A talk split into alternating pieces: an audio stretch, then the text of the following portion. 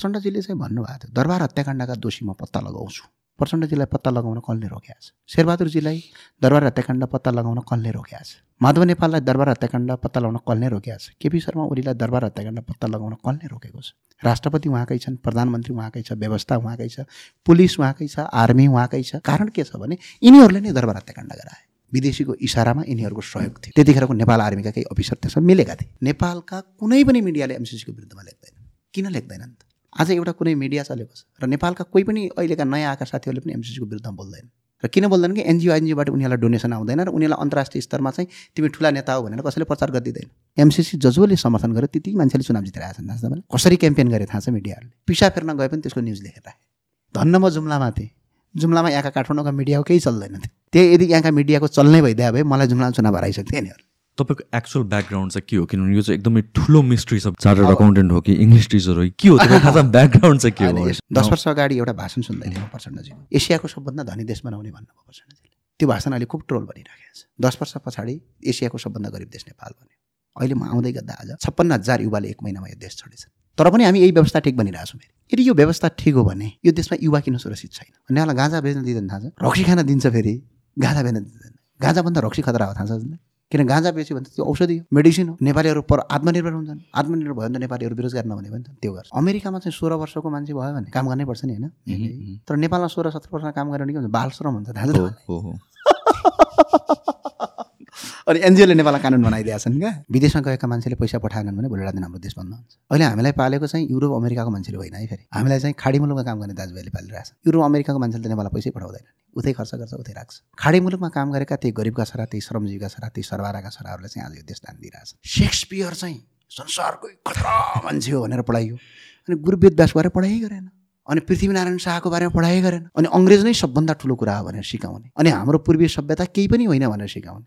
अनि त्यस्तो गर्दै विद्यार्थीलाई हुर्काएपछि त त्यो विद्यार्थी त अभियसली ठुलो हुँदै गएपछि त देश छोड्न बाध्य हुन्छ। अनि उसलाई चाहिँ मेन्टल्ली रूपमा के प्रिपेयर गराइन्छ भने यो मुलुक काम छैन भन्ने गरिन्छ। जसले नेपाल बनायो त्यसको बारेमा पढाइ छैन अनि प्रचण्डको बारेमा पढाइ हुन्छ। छ। त स्वतन्त्र सेनानी भन्छ This episode is brought to you by The Physique Workshop, the first gym chain in Nepal with branches all over Kathmandu.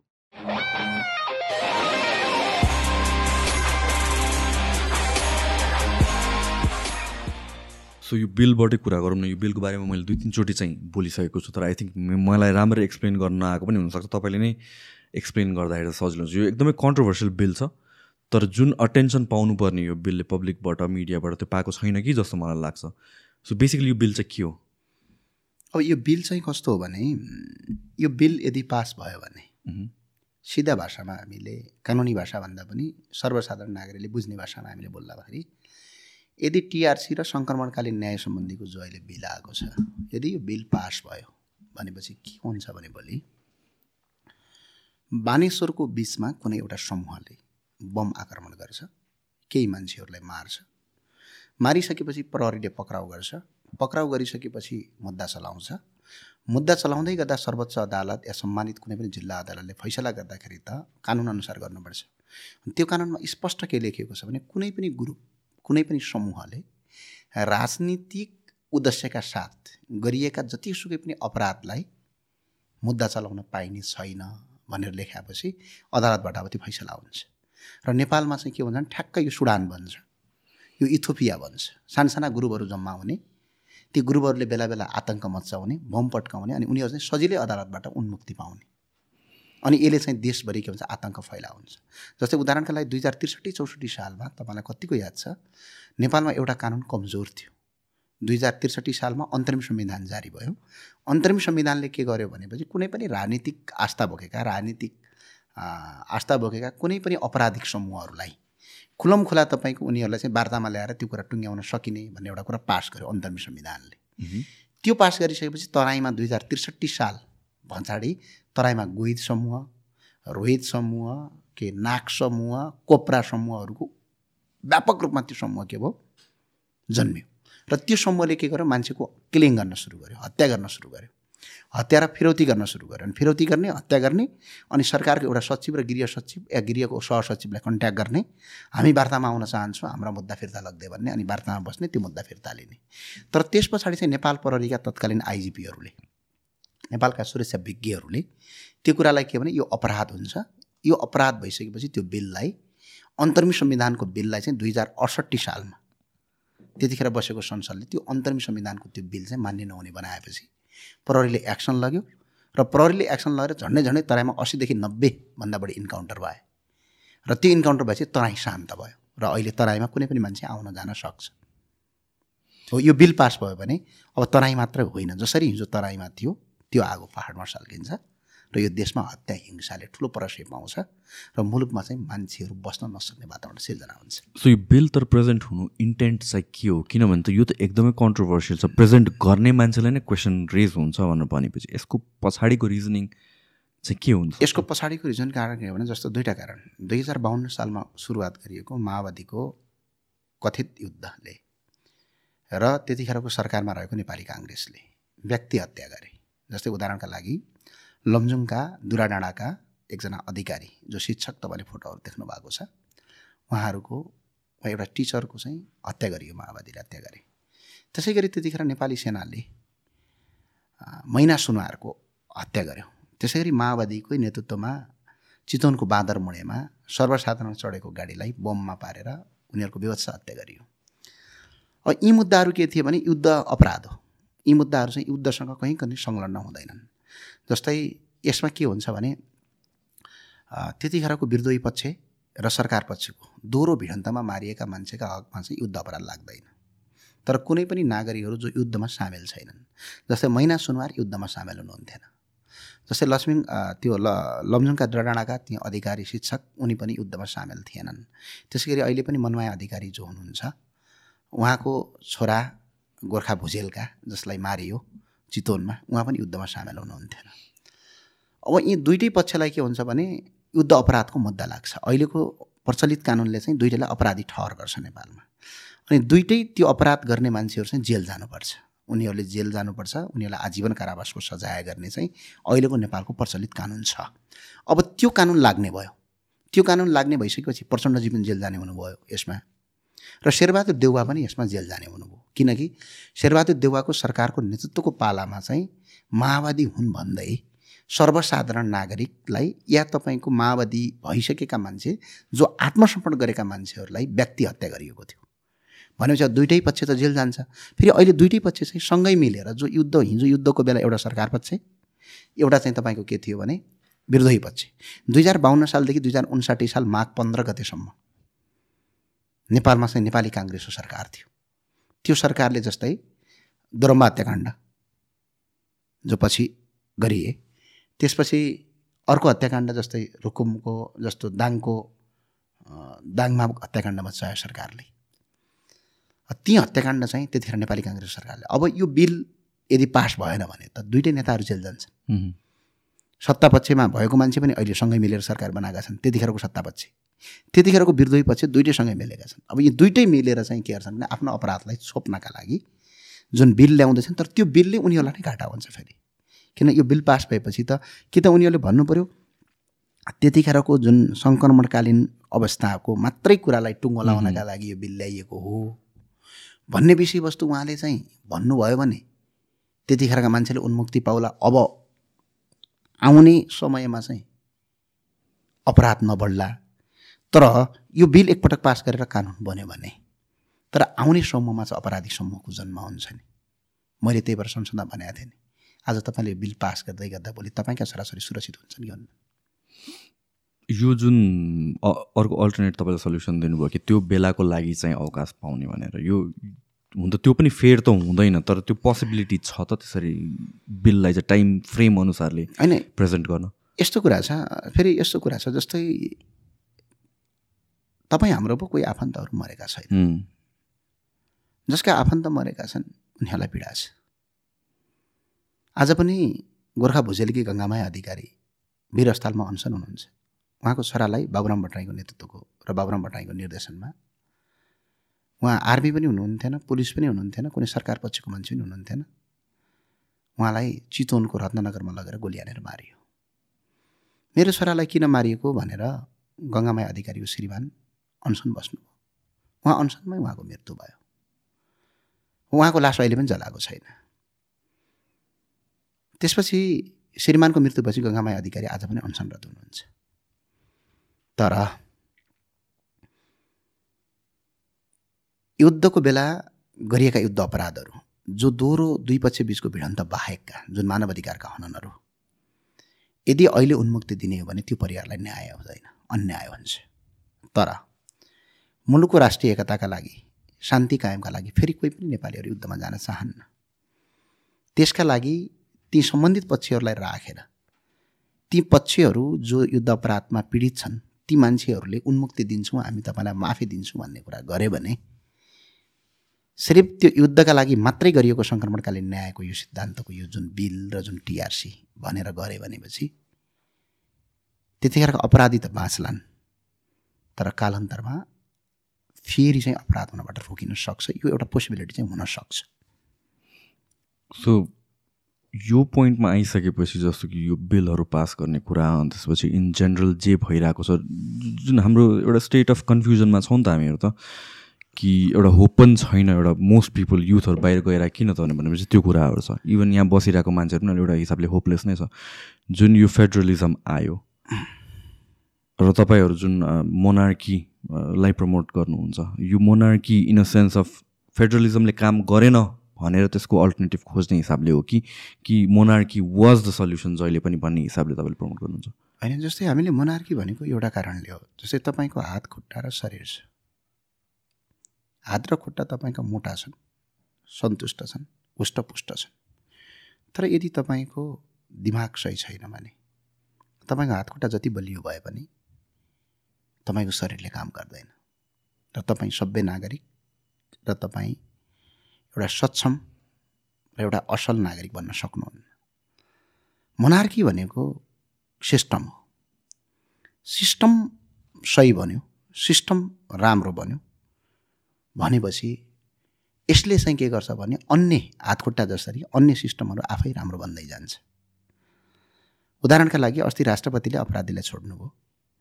अहिले पनि हाम्रो मानन्दरजी अनसनमा हुनुहुन्छ भारती मानन्दर। आज अनसनमै आज पत्रकार सम्मेलन गर्दा गर्दा उहाँ आज बेहोस हुनुभयो। कि नयाँ आएका साथीहरूले सिधै भन्ने हो भने राष्ट्रसभाका केही साथीहरूले राष्ट्रपतिले गलत गर्नुभयो भनेर उहाँले राष्ट्रपतिलाई भेट्नुभयो। तर राष्ट्रपतिले उहाँले आफै गरेको त्यो निर्णय होइन। निर्णय कसले गरेको? प्रधानमन्त्री कार्यालयले गरेको। फेरि त्यो प्रधानमन्त्रीले पनि त्यत्तिकै त्यो निर्णय गरेको छैन। नेपालको संविधान दुई हजार बहत्तरको संविधानको जुन सङ्क्रमणकालीन अर्थात् जुन जुन त्यो कैदीहरूलाई मिनाहा गर्ने जुन कानुन छ त्यो जुन नेपालको संविधानले दिएको अधिकार छ त्यो अधिकारलाई चाहिँ उहाँले फुल प्रयोग गरेर प्रधानमन्त्रीले निर्णय मन्त्री परिषदले निर्णय गर्यो। अब मन्त्री परिषदको निर्णय चाहिँ राष्ट्रपतिले चाहिँ के गर्न पाइँदैन? त्यसलाई चाहिँ म मान्दिनँ भन्न पाउँदैन। त्यो चाहिँ नेपालको संविधानमै लेखाएको छ फेरि। लेखिसके पछाडि फेरि राष्ट्रपतिले त्यसलाई आम माफी दिइदिनु भयो अब हामी दोषी चाहिँ राष्ट्रपतिलाई देखिरहेछौँ तर हामी दोषी चाहिँ नेपालको संविधान दुई हजार बहत्तरलाई देखाएको छैनौँ फेरि। भने हाम्रो चाहिँ आग्रह के हो भने नयाँ आएका साथीहरूलाई? यो व्यवस्थाको यो संविधान र यो कानुन भनेको मूल जड हो। सिस्टम मूल जड हो। सिस्टम नै खराब छ। हामी सिस्टम फाल्नतिर लागौँ। फाल्न पर्दैन। यसलाई परिमार्जन गर्नतिर लागौँ। अब रोग लागेको छ जरामा। रोगको टुप्पा काटेर समस्या समाधान हुन्छ। हामीले त जरै काट्नु पऱ्यो नि। यो संविधानले दिएको अधिकारले गर्दा आज अपराधीहरू उन्मुक्ति पाइरहेका छन्। अब यो संविधान बेस्ट छ अरे। संसारकै उत्कृष्ट छ भनेर भन्ने। अनि त्यो संविधानको पालना गर्ने मान्छे दोषी देखेर हुन्छ। हो हामीले मोनार्की किन चाह्यौँ? सिस्टम बस्छ। हिजो राजाका पालामा पनि धेरै मान्छेहरू छुटेका हुन्। तर आजसम्म पनि तपाईँ यत्रो भइसक्नुभयो यत्रो गुगल छ यत्रो पत्र पत्रिका छन् रेडियो छ टेलिभिजन थियो नि त। एकजना कुनै अपराधी त्यसरी उन्मुक्ति पायो भने सुन्नमा आएको थियो तपाईँलाई किनकि एउटा नीति हुन्थ्यो। राजाका लागि चाहिँ देश के हुन्छ भने आफ्नो सम्पत्ति हुन्छ। नेताका लागि देश के हुन्छ? भाडामा बसेको घर जस्तो हुन्छ। जस्तै उदाहरणका लागि अहिलेका राष्ट्रपति रामरण यादव मानव रामरण यादव माफ गर्नु होला पूर्व राष्ट्रपति हुनुहुन्छ उहाँ। राष्ट्रपति सम्माननीय राष्ट्रपति रामचन्द्र पौडेल उहाँ पाँच वर्षको राष्ट्रपति हो। या चार पाँच वर्षको एकपटकका लागि हो। फेरि उहाँ राष्ट्रपति हुनुहुन्न। र राष्ट्रपति छोडिदिउँ प्रधानमन्त्री पुष्पकमल दाहालको कुरा गरौँ। उहाँ एक महिना दुई महिना तिन महिना चार महिना पाँच महिना छ महिना कति महिने प्रधानमन्त्री हो। उहाँले आफू प्रधानमन्त्री भएको बेला आफ्नो सत्ता शक्तिको जति दुरुपयोग गर्ने उहाँ गरिहाल्नुहुन्छ किनकि उहाँलाई के विश्वास छैन भने फेरि म छ महिनापछि चाहिँ प्रधानमन्त्री बन्छु कि बन्दिनँ भन्ने कुराको विश्वास छैन। तर राजाका लागि के हुन्छ? ऊ सदाबहार हुन्छ। उसलाई मुलुक बन्यो भने राज संस्था बलियो हुने हो। मुलुक बनेन भने राज संस्था बलियो हुँदैन। उदाहरणका लागि के हो भने एउटा घरबेटीको जुन घर हुन्छ त्यसको जो मालिक हुन्छ उसलाई घरको माया हुन्छ त्यही भएर घरमा बस्ने भाडामा बस्ने मान्छेलाई किला नठोका भन्छ। तर घरमा भाडामा बस्ने मान्छेलाई के हुन्छ उसले आफ्नो व्यक्तिगत स्वार्थ पुरा गर्नका लागि बरु घर भत्किए भत्कियोस् मैले चाहिँ भित्तामा किला ठोक्नुपर्छ भने उसले किला ठोक्छ। नेता भनेको घर भाडा बसिया मान्छे हो राजा भनेको घरको मालिक हो। अनि उसलाई देशको प्रेम हुन्छ राष्ट्रको प्रेम हुन्छ। आज त्यही भएर पूर्व सरकार भन्छौँ हामी राजा भन्छौँ। राजा कहिले पनि पूर्व हुँदैन। राजा पूर्व हो भने अहिलेको राजाको हो त। पूर्व सरकार भन्न मिल्छ। किनकि ज्ञानेन्द्र सरकारलाई पूर्व सरकार प्रमुख भन्न पाइन्छ। किन पाइन्छ भने अहिले सरकार छ। अहिलेको सरकार प्रचण्डजीको सरकार छ। तर राष्ट्रपतिलाई पूर्व राष्ट्रपति भन्न पाइन्छ। विद्या भण्डारी पूर्व राष्ट्रपति हुनुहुन्छ अहिलेको राष्ट्रपति रामवरण यादव हुनुहुन्छ। भने पूर्व राजा ज्ञानेन्द्र शाह हुन् भने अहिलेको राजाको हो त। भने राजा सधैँका लागि राजा हुन्छ चाहे त्यो सत्तामा रहोस् चाहे त्यो बाहिर रहोस्। अनि त्यो राज संस्थाले चाहिँ के गर्छ भने मुलुकलाई प्रेम गर्छ राष्ट्रघात हुन दिन्न। आज यत्रो वर्ष भयो उहाँले देश छोड्नु भएको छैन थाहा पाउनु भएको छ। यत्रो वर्ष भयो कुनै एउटा नेतालाई गाली गरेको सुन्नु भएको छ कहिले? किनकि राजा सबको साझा हुन्छ। नेता सबको साझा हुँदैन। नेतालाई एकाउन्न पर्सेन्ट भए पुग्छ। राजालाई एकाउन्न पर्सेन्ट हुँदैन। शत प्रतिशत चाहिन्छ। हामीले राज संस्थामा आएको जम्मा तिनवटा कारणका लागि एउटा स्थायित्वको लागि। जसरी अहिले अमेरिकाका युरोपियन युनियनहरूले जसरी नेपालमा अहिले तपाईँ इन्फ्लुएन्स गरिराखेका छन् एउटा राजदूतले प्रधानमन्त्रीलाई काम अराइराखेका छ त्यो राजाका पालामा कहिले देख्न पनि सुन्न पनि पाइँदैन थियो एउटा राष्ट्रिय एकता। अर्को राष्ट्रिय एकताका लागि आज रामवरण यादव राष्ट्रिय एकता सुरक्षित गर्ने लाइनमा हुनुहुन्न। किन हुनुहुन्न भने उहाँ उहाँ निर्वाचित हो। उहाँलाई कुनै न कुनै समूहले भोट हालेको छ। तर राजालाई भोट हाल्नु पर्दैन। मलाई पाँच वर्षपछि के गर्ने भन्ने चिन्ता छ? राजा एकपटक भएपछि उसलाई कहिले पनि चिन्ता हुँदैन। राष्ट्रिय एकता कायम हुन्छ। सबैले मान्छन्। र अर्को एउटा कुरा के हो भने सुशासन कायम हुन्छ। प्रधानमन्त्रीले पनि डराउनुपर्छ राजासँग। पहिला पनि याद छ नि तपाईँलाई शेरबहादुर देवालले दुई हजार उन्साठी सालमा मेलम्चीमा भ्रष्टाचार छहत्तर करोडको भ्रष्टाचार गरेपछि राजाले समाएर जेल हालिदिनु भएको थियो। तर त्यसलाई चाहिँ पछि यिनीहरूले के गरे राजनीतिक मुद्दा बनाए। फरक त्यति हो। सो राजतन्त्रमा फ्ल फ्ल फ्ल हुन्छ कि हुँदैन तपाईँको हिसाबले? फ्ल नै नहुने त कुनै पनि सिस्टममा हुँदैन होला। होइन भ्रष्टाचार हुन्छ नहुने हुँदैन। तर भ्रष्टाचार चाहिँ देखादेख हुन्छ कि लुकेर हुन्छ भन्ने हो। सुरट त सबैले खान्छ नि। तर चुरोट खाँदाखेरि बाउआमा र आफूभन्दा ठुला मान्छे आउँदाखेरि हामी यहाँ चलाउनु कस्तो छ भने लुकेर खान्छन्। लुकेर खाने कि उफर कौडी हालेर देखाएर खाने भन्ने हो। अहिले देखाएर खाने भयो। राजाका पालामा कसले भ्रष्टाचार गर्थे भने केही राजाका वरिपरि भएका आसेपासेले भ्रष्टाचार गर्थे। तर बाहिर केस त्यो कुरा राजालाई यदि थाहा मात्रै भयो भनेपछि उसको आजीवन सर्वस्व हरण हुन्थ्यो। तर अहिले के छ? कसले गर्ने? मानव एउटा गाउँपालिकाको अध्यक्षले भ्रष्टाचार गर्यो भने अख्तियारमा मुद्दा हाल्ने हामीलाई अधिकार छ। अख्तियारको आयुक्तलाई यिनीहरूले किनिदिन्छन् तपाईँलाई याद छ? दिप कुमार बस्नेत भन्ने। अख्तियारको प्रमुख आयुक्त हुनुहुन्थ्यो। उहाँको घरमा छापा मार्दाखेरि के भेटियो थाहा छ हजुरलाई? सुनको टोइलेट त्यो खुब चर्चा भयो एउटा अख्तियारको आयुक्त प्रमुख आयुक्तले नै भ्रष्टाचार गर्न थालेपछि अनि उनीहरूलाई चाहिँ कन्ट्रोल कसले गर्ने।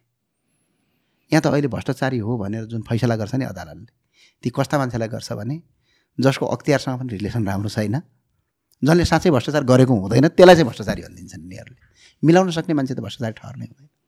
So one of the common criticism of monarchy के हो भनेर भनेपछि मान्छेले जस्तो कि यो हाम्रो फेडरलिजममा छ एउटा सर्टन टर्मसम्म रुल गर्न पाउँछ केही गडबड गर्यो चित्त नबुझ्छ केही काम गऱ्यो भने नेक्स्ट टाइम अपर्च्युनिटी पाउँदैन तर राजाको केसमा त्यसरी त हुँदैन नि त। पाउँछ।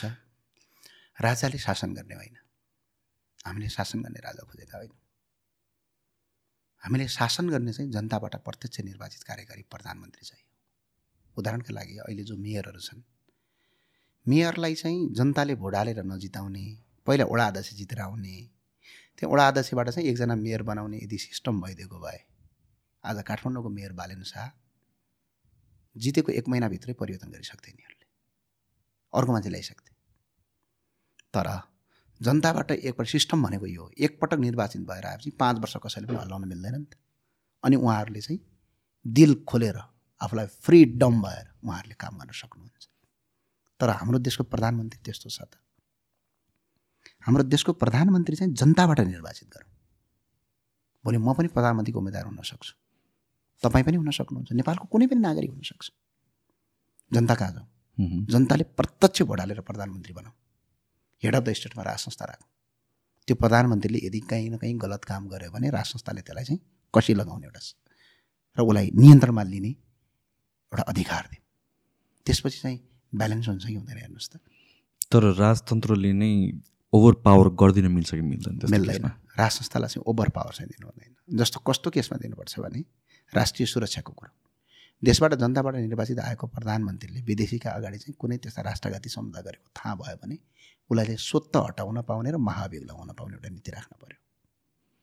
देशबाट निर्वाचित आएको प्रधानमन्त्रीले देशभित्र जातीय हिंसा धार्मिक हिंसा मचाएको र कुनै पनि देशभित्रका नागरिकलाई गैरकानुनी रूपमा हत्या गरेको भेटियो भने त्यस्ता कुरामा पनि उसलाई कसी लाउने सिस्टम बनाउन पर्यो।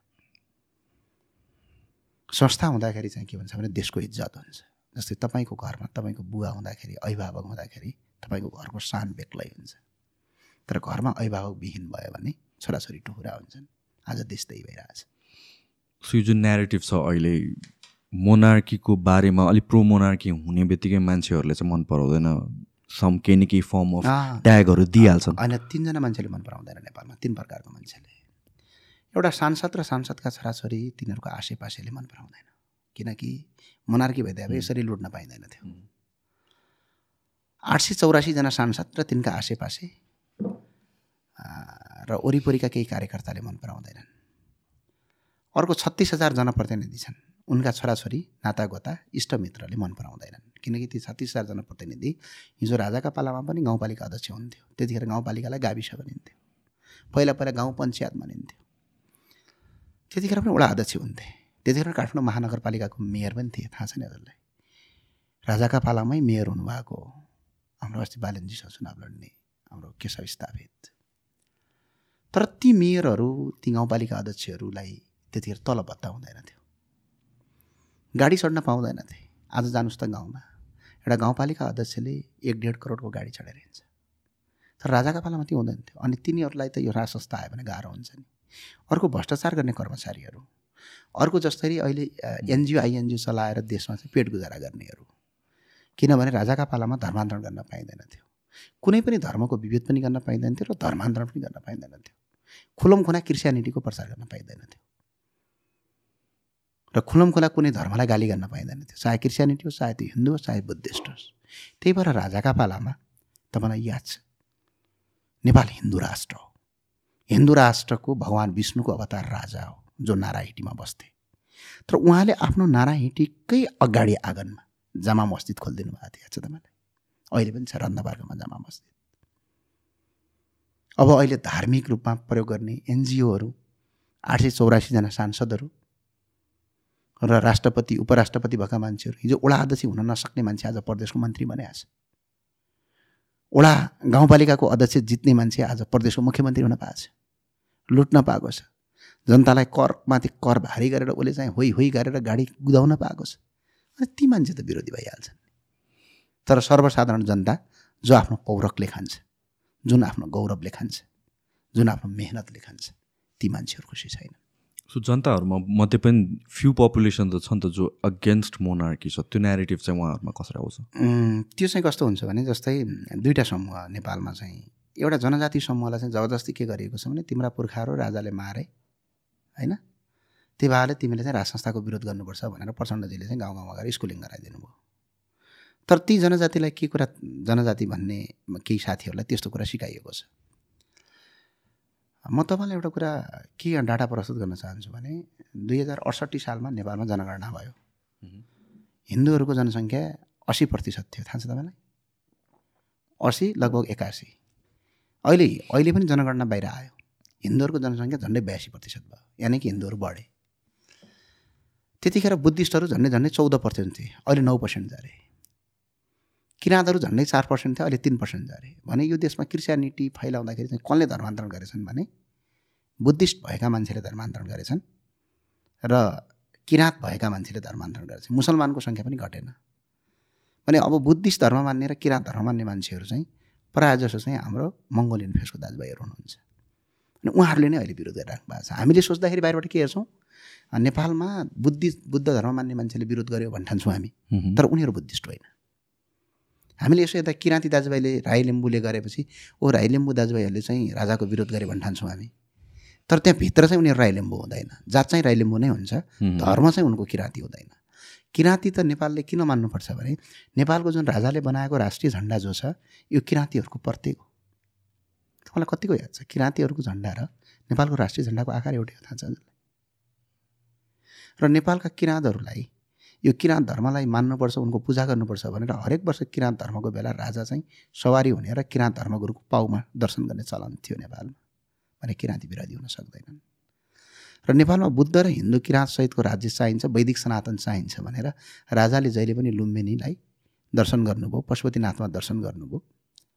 र जहिले पनि बुद्धिस्टहरू अगाडि बढ्नुपर्छ भने स्वयम्भू बने त्यतिखेर बौद्धनाथ बने देशभरि शान्तिको क्षेत्र भने राजा वीरेन्द्रले यो देशलाई शान्ति क्षेत्र घोषणा गर्नुभयो। जुन माग भगवान् गौतम बुद्धको थियो। अनि बुद्धिस्ट कसरी राजाको विरोधी हुनसक्छ हिन्दू कसरी राजाको विरोधी हुनसक्छ किराँत कसरी राजाको विरोध हुनसक्छ मुसलमान कसरी राजाको विरोध हुनसक्छ जुन मुसलमानलाई आफ्नो दरबारको अगाडि राजाले मस्जिद बनाइदिनु भयो जुन मुसलमानलाई कालीघाट गुरुमा नेपाल एकीकरणको महाअभियानमा मुसलमानहरूको ठुलो योगदान छ उहाँहरू कसरी राजाको विरोधी हुनसक्छ राजाको विरोधी सिर्फ दुईवटा समूह छ यो देशमा एउटा माओवादी कट्टर एउटा क्रिस्चियन सो यो रिलिजनको नाममा पनि हामीहरू कतिवटा कन्फ्लिक्टहरू सुन्छौँ नि त। रिलिजन कन्भर्ट भए पनि के भयो त भनेर भन्नेहरूलाई होइन? रिलिजन कन्भर्ट र कुनै पनि मान्छेले धर्म मान्न पाउने पुरा अधिकार छ। तर धर्म मान्दै गर्दा अर्काको धर्मलाई अपमान गर्न पाउने अधिकार छैन। र कुनै पनि मान्छेले क्रिस्चियन धर्म मान्छु भनेर भन्नुभएको छ। उसको नैसर्गिक अधिकारको कुरा हो हिजो राजाका पालामा पनि हिजो राज संस्थाको पालामा पनि हिजो नेपाल हिन्दू राष्ट्र भएको पालामा पनि क्रिस्चियनहरू यो देशमा थिए बसिरहेको थिए प्रार्थना गरिराखेका थिए। कहीँ कतै पनि कसैले पनि उहाँको प्रार्थना रोकेको कुनै पनि इतिहास छैन। तर आफ्नो धर्मको प्रचार गरिरहँदा अर्काको धर्मलाई अपमान गर्नुहुन्न जस्तै गाई काटे। गाई हिन्दूहरूको पवित्र चिज हो नि। हो नि। नेपालमा गाई काट्ने मान्छेले के भने गाईको मासु खान पाउनुपर्छ भने। गाईको मासु खान्छु भन्नेले कुकुरको मासु खान पाउँछु किन भन्दैन। त्यसको पछाडिको त कारण छ नि। गाईलाई काट्ने हो भने हिन्दूहरू भट्किन्छन् र हिंसा हुन्छ भनेर उनीहरूले चाहिँ जानेर त्यो काम गरेका छन्। त्यो भन्दा पनि यो त हाम्रो कन्स्टिट्युसनको अगेन्स्टमा छ नि त। फेरि नेपालको संविधानको विरुद्धमा पनि छ। नेपालको संविधानको पशुपन्छी सम्बन्धीको कसुरले गाई र गोरु काट्नेलाई तिन वर्षको जेल सजाय हुन्छ। तर हाम्रो देशको गृहमन्त्री जात्रा हेरेर बस्नुहुन्छ। गृहमन्त्रीको काम चाहिँ नेपालको संविधानलाई पालना गर्ने हो। तर उहाँले नेपालको संविधान पालना गर्नुहुन्न। किनकि गृहमन्त्रीलाई नै क्रिस्चियनिटीहरूले फन्डिङ गर्छ। समस्या त्यहाँ छ यो फन्डिङको कुराहरू जुन छ यो भित्रभित्र पब्लिकली आउँदैन कति कुराहरू यसले नै गरेर भित्रभित्रबाट नै देश खोक्रो भइरहेको कि जस्तो पनि लाग्छ। जुन डिभिजन देख्छौँ अहिले यो सोसियल मिडियामा मा देख्न थालेर मोर प्रमिनेन्टली नोटिस भएको हो कि कि रिसेन्ट टाइम्समा झन् डिभिजन यसको यसको यस्तो हुन्छ जस्तै यसको कस्तो हुन्छ भने जस सोरस भन्ने एकजना मान्छे हुनुहुन्छ। तपाईँलाई सबैलाई थाहा छ। उहाँले नेपालमा झन्डै सत्र अर्ब कि कति अर्ब फन्डिङ गरे भनेर उहाँले एउटा ट्विटरमा लेखि पनि सक्नुभयो जोर्ज सोरोस हो। जस सोरसले मह्म। जस सोरसबाट चल्ने मिडिया नेपालका छन् टन्नै जसले नेपाललाई धर्मान्तरण गराउन सघाउँछन् जसले अमेरिकनहरूलाई फेभर गराउन सक्छन् जसले एमसिसीको सपोर्ट गर्छन् एमसिसीको विरुद्धमा उनीहरू एक अक्षर पनि लेख्दैनन् एमसिसीको समर्थनमा जो जो मान्छे थिए जस्तै सोडिम वागले हुनुहुन्थ्यो उहाँलाई चाहिँ उहाँहरूले प्रमोट गर्छन् जस्तो चुनावको बेला तपाईँले हेर्दा हुन्छ। उहाँले रात दिन सोडिम वाग्लेजीले कहाँ के खानुभयो भन्ने कुरा पनि लेख्न भ्याउँछन् होइन? किनभने उदाहरणका लागि अहिले कुरा गर्ने हो भने सोडिम वाग्ले जी अ, जति तपाईँको नेपालको राजनीतिकमा एउटा सांसद हो त्यति नै सांसद तपाईँको पोखराबाट जितेकी विद्या अधिकारी पनि त हुन्। उहाँ पनि त चुनाव जितेर आएको जनताको। उदाहरणका लागि मानौँ। तर सोडिम वाग्लेजीको चाहिँ रात दिन चाहिँ प्रसार गर्नका लागि लाइभ भिडियोसम्म प्रसारण गरेको गरे गर्छ तर उदाहरणका लागि मानौँ कुनै एउटा विद्या भट्टराई जो हुनुहुन्छ नजिकैको उदाहरण दिए फेरि मैले व्यक्ति तोकेको होइन। तर उहाँको चाहिँ टाढा गएन मैले विद्या भण्डारी पनि गरेन शङ्कर भण्डारी। जस्तो तनहुको दुइटै क्षेत्रबाट दुइटैजनाले चुनाव जितेको। शङ्कर भण्डारीले पनि चुनाव जित्नु भएको जो तपाईँको हिन्दू राष्ट्रको पक्षमा हुनुहुन्छ उहाँ काङ्ग्रेसबाट हो। तर सोनिम अग्लेजी एमसिसीको समर्थक हो। र नेपालमा एमसिसी ल्याउने मुख्य मान्छेमध्ये एकजना मान्छे उहाँ पनि हो। र नेपालको चाहिँ एमसिसीको ड्राफ्टै सोडी माग्लेजीले गर्नुभएको भन्ने कुरा मैले भने होइन यो। सोडी माग्लेजीले त सत्य के अरे हाम्रो टिकाराम यात्रीको एउटा कार्यक्रममा एपी वान टेलिभिजनमा बताउनु पनि भएको छ उहाँ। त्यो भिडियो अहिले पनि हेर्न सकिन्छ। मैले उहाँलाई आरोप लगाएको होइन। तर सोडी वाग्लेजीले फेसबुकमा स्टाटस लेखेपछि चाहिँ नेपालका केही मिडियाहरूले चाहिँ के लेख्छन् त्यसलाई? पुरा प्रमोट गर्छन्। होइन? तर त्यही कुरा चाहिँ शङ्कर भण्डारीले लेख्नुभयो भनेपछि कुनै देखे पनि नदेखे जस्तो गर्छन् शङ्कर भण्डारीले पनि संसदमा बोल्नुहुन्छ। उहाँको आवाज कहीँ लेख्न त टाढो कुरा उहाँको एउटा सामान्य शब्द पनि लेख्दैनन्। तर सोणी वाग्लेजीले संसदमा बोल्यो भने रात दिन त्यो लाइभ गरेर बस्छन्। कारण किनभने शङ्कर भण्डारी पनि तनहुबाट निर्वाचित सांसद हुन्। सोणी वाग्लेजी पनि निर्वाचित सांसद हो अब पार्टीको हैसियतमा जाउँ शङ्कर भण्डारी नेपाली काङ्ग्रेसको केन्द्रीय सदस्य हुन् र युवा नेता हुन्। तर सोणी वाग्लेजी राष्ट्रसभाको केन्द्रीय सदस्य पनि होइन। पार्टीको पोर्टफोलियो अन्त सोणी वा- वाग्लेजी त धेरै जुनियर हो नि। तर किन त्यो गरिन्छ भनेपछि जुन हिसाबले एमसिसीको फन्डिङ हुन्छ नेपालमा एमसिसी भनेको एउटा माध्यम मात्रै हो। एमसिसी लगायत युएसआइडी फन्ड छ गरिबी निवारण संस्था छ विभिन्न एनजिओ आइएनजिओहरू टनाटन छन्। ती एनजिओ आइएनजिओले चाहिँ पत्रकार र पत्रकारका मालिकहरूलाई फन्डिङ गर्छन् अनि तिनीहरूले के गर्छन् भने त्यो एनजिओले जो मान्छेलाई प्रमोट गर भनेर भन्छन् त्यही मान्छेलाई तिनीहरूले प्रमोट गर्छन्। अनि जनतालाई भ्रमित गराएर एउटा शासन व्यवस्था अगाडि बढाउँछन्। फेरि सोनी मगले पात्र मात्रै हो यसमा फेरि। उहाँलाई व्यक्तिगत रूपमा चाहिँ म साह्रै राम्रो मान्दछु। तर उहाँले जुन एमसिसीको पक्षमा वकालत गर्दै हिँड्नुभयो त्यसको विरुद्धमा म छु। सो सिन्स तपाईँ अब पार्लिमेन्टभित्र छिरिसक्नु भएको छ र अर्को साइडबाट पनि अब धेरै कुराहरू देख्नु भएको छ आई मिन लाइक पिपल जसको चाहिँ एमसिसीकै केसमा भनौँ न या सपोर्ट गर्ने या सपोर्ट विरोधी गर्ने जुन पार्टीहरू छ उनीहरू जहिले पनि त्यस्तै हो कि जस्ट एउटा फेस देखाउने मात्र हो पब्लिकलाई त्यसरी? होइन यस्तो हुन्छ। जस्तो के छ भने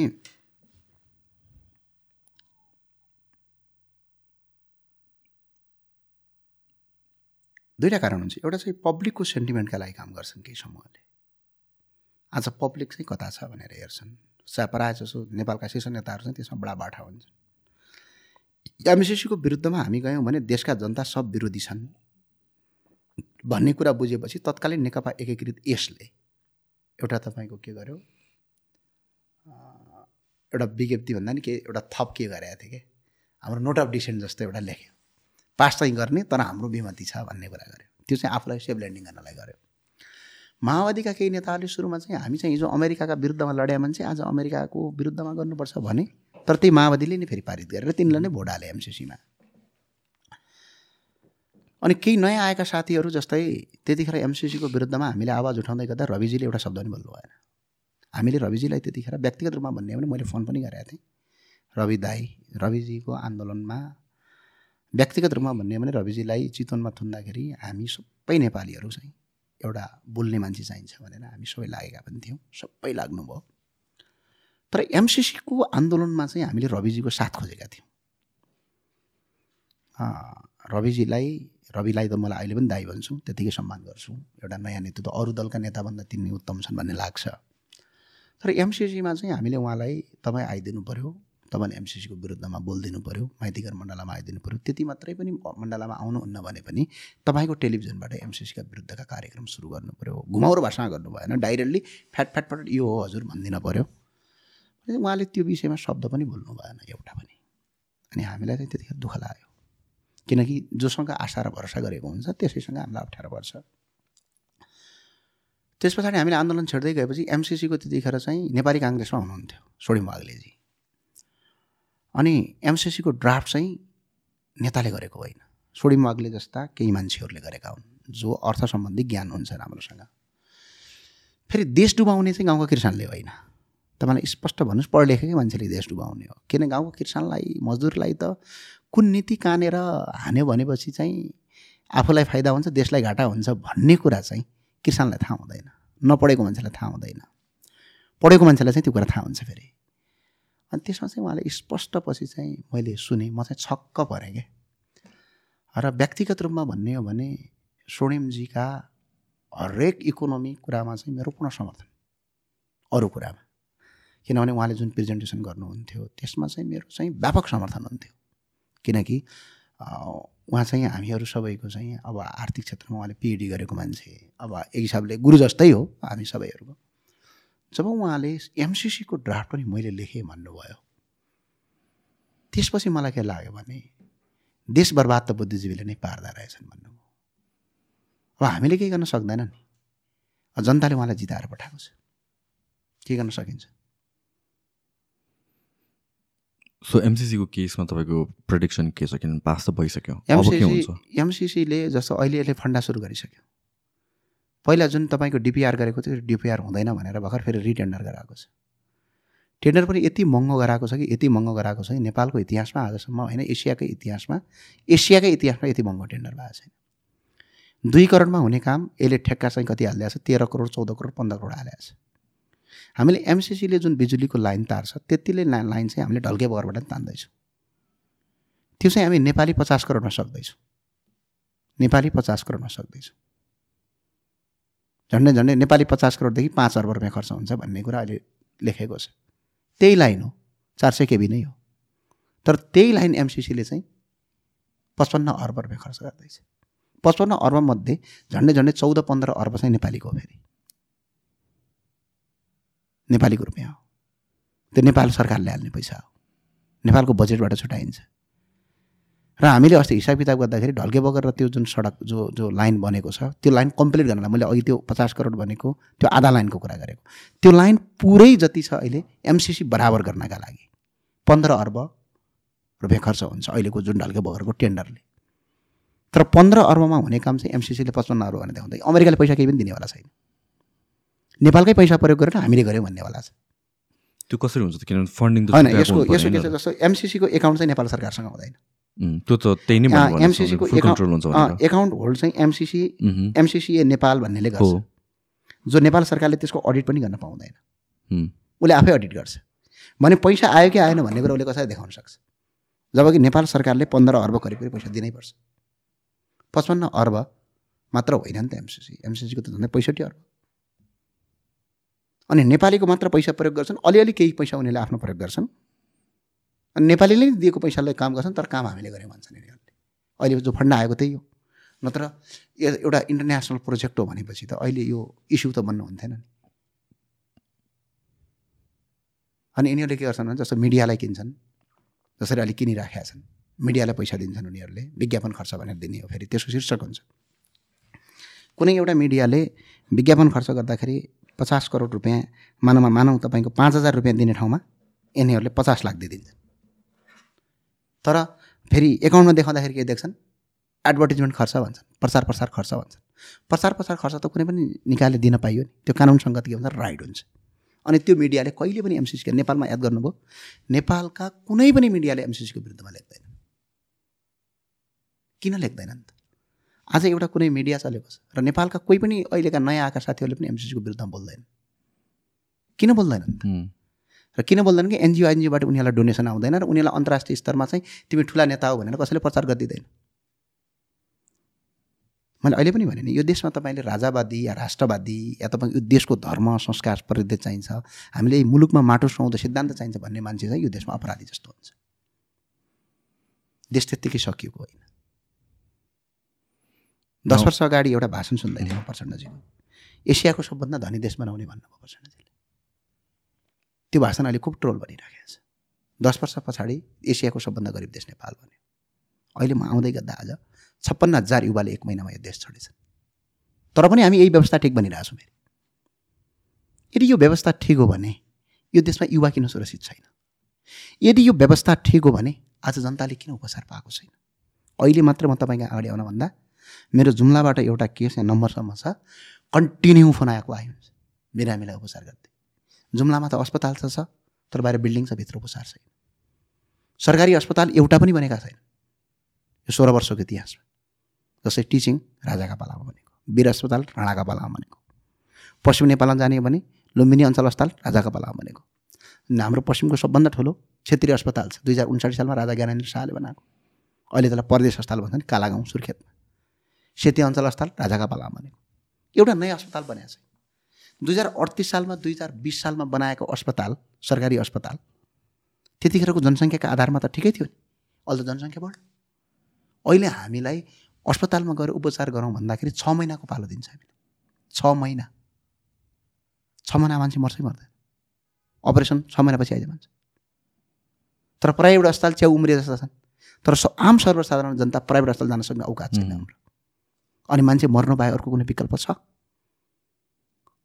यो व्यवस्थालाई परिवर्तन गरौँ। व्यवस्था र अवस्था दुइटै परिवर्तन गरौँ। व्यक्ति पनि परिवर्तन गरौँ व्यवस्था पनि परिवर्तन गरौँ। प्रदेश पालिरहनु पनि आवश्यकता छैन। यो खर्चलाई कटौती गऱ्यौँ भने हामीले अस्पताल खोल्न सक्छौँ। किन सरकारले अस्पताल खोल्न सक्दैन भने यो छ वर्षको इतिहासमा आठ खर्ब रुपियाँ प्रदेशमा गयो। आठ खर्ब। राजस्व दुई खर्ब उठ्यो। छ खर्ब हामी लसमा छौँ। आठ खर्ब भनेको एक अर्बको अस्पताल बनाउँदाखेरि आठ सयवटा अस्पताल बन्छ। एउटा टिचिङ जस्तो अस्पताल बनाउनका लागि अहिले धेरै खर्च भयो भने पन्ध्र बिस पच्चिस तिस अर्ब खर्च हुन्छ। भने आठ सय खर्बमा कतिवटा अस्पताल बन्छन् भन्नुहोस् त टिचिङ जस्तो। बनेनन् भने पनि साठी सत्तरीवटा नयाँ अस्पताल बन्छन्। साठी सत्तरीवटा नयाँ अस्पताल यदि हामीले सरकारको बनाउन सक्यौँ भने सम्झिनुहोस् त। हाम्रो देशमा कोही मान्छे अस्पतालमा उपचार नपाएर मर्नुपर्छ। अब हामी यो व्यवस्था फालौँ भन्दाखेरि नयाँ आएका साथीले के भन्छन्? व्यवस्था ठिक हो अवस्था गतिलो भन्छ उम्. तर त्यसले मुलुकको निकास गर्दैन। सो जस्तो तपाईँहरू तपाईँ पनि एउटा मेम्बर अफ द पार्लियामेन्ट हो त्यही पनि तपाईँ चाहिँ मोनार्कीलाई प्रमोट गर्नुहुन्छ मोनार्की म मोनार्की मात्र गर्दिनँ। किनभने सङ्घीयता। यो देशमा काम लाग्दैन हजुर भनिराखेका छु किनभने हामीले सङ्घीयता कसैको विरुद्धका लागि होइन। हाम्रो अर्थव्यवस्थाले धान्दैन अनि संसदीय व्यवस्था गलत हो भनिरहेको छौँ राजा मात्र मागेका छैनौँ है हामीले। हामीले संसदीय व्यवस्था पनि खारेज गर्छौँ भनेको छौँ। सो जसरी तपाईँको यो बिलिफहरू छ त्यस्तै अरू मेम्बर अफ पार्लियामेन्ट पनि हुनुहुन्छ जसले सेम बिलिफ होल्ड गर्नुहुन्छ भित्रभित्र तर बाहिर नदेखाउने गरिकन। त्यो छ। जस्तो कस्तो छ भने अहिले यो देशमा चाहिँ नेपाका नेकपा एमाले भित्रका अधिकांश कार्यकर्ताहरू एमाले भित्रका केही कोर बाहेक अधिकांश कार्यकर्ताहरू चाहिँ यो व्यवस्था भएन भन्नुहुन्छ व्यवस्था भएन मात्र कि राजा नै आउनुपर्छ। होइन राज संस्था नै फर्किनुपर्छ भन्ने लाइनमा हुनुहुन्छ नेपाली काङ्ग्रेसमा त नब्बे पर्सेन्ट छ भन्दा नि हुन्छ। नेपाली काङ्ग्रेसका केही जस्तै गगन थापाहरू उहाँहरू चाहिँ राज संस्थाको विरुद्धमा हुनुहुन्छ। कारण किनभने गगनजी राजाको विरोध गरेरै हुर्केको र गगनजी गगनजीहरूको चाहिँ के छ भने एउटा नेपालमा गगनजी एउटा प्रवृत्ति हो। यो व्यवस्था ठिक छ सही छ भन्ने चाहिँ गगनजी एउटा पात्र मात्रै हो। माओवादीले झन्ले हतियार हिजो माओवादीले युद्ध गर्दाखेरि जो एनजिओ आइएनजिओले हतियार किन्नलाई पैसा दियो जसले हतियार किनेर नेपालमा ल्यायो त्यसैले अहिले यो व्यवस्था ठिक छ भनेर प्रमोट गरिरहेको छ त्यसको एउटा पात्र गगनजी पनि हो।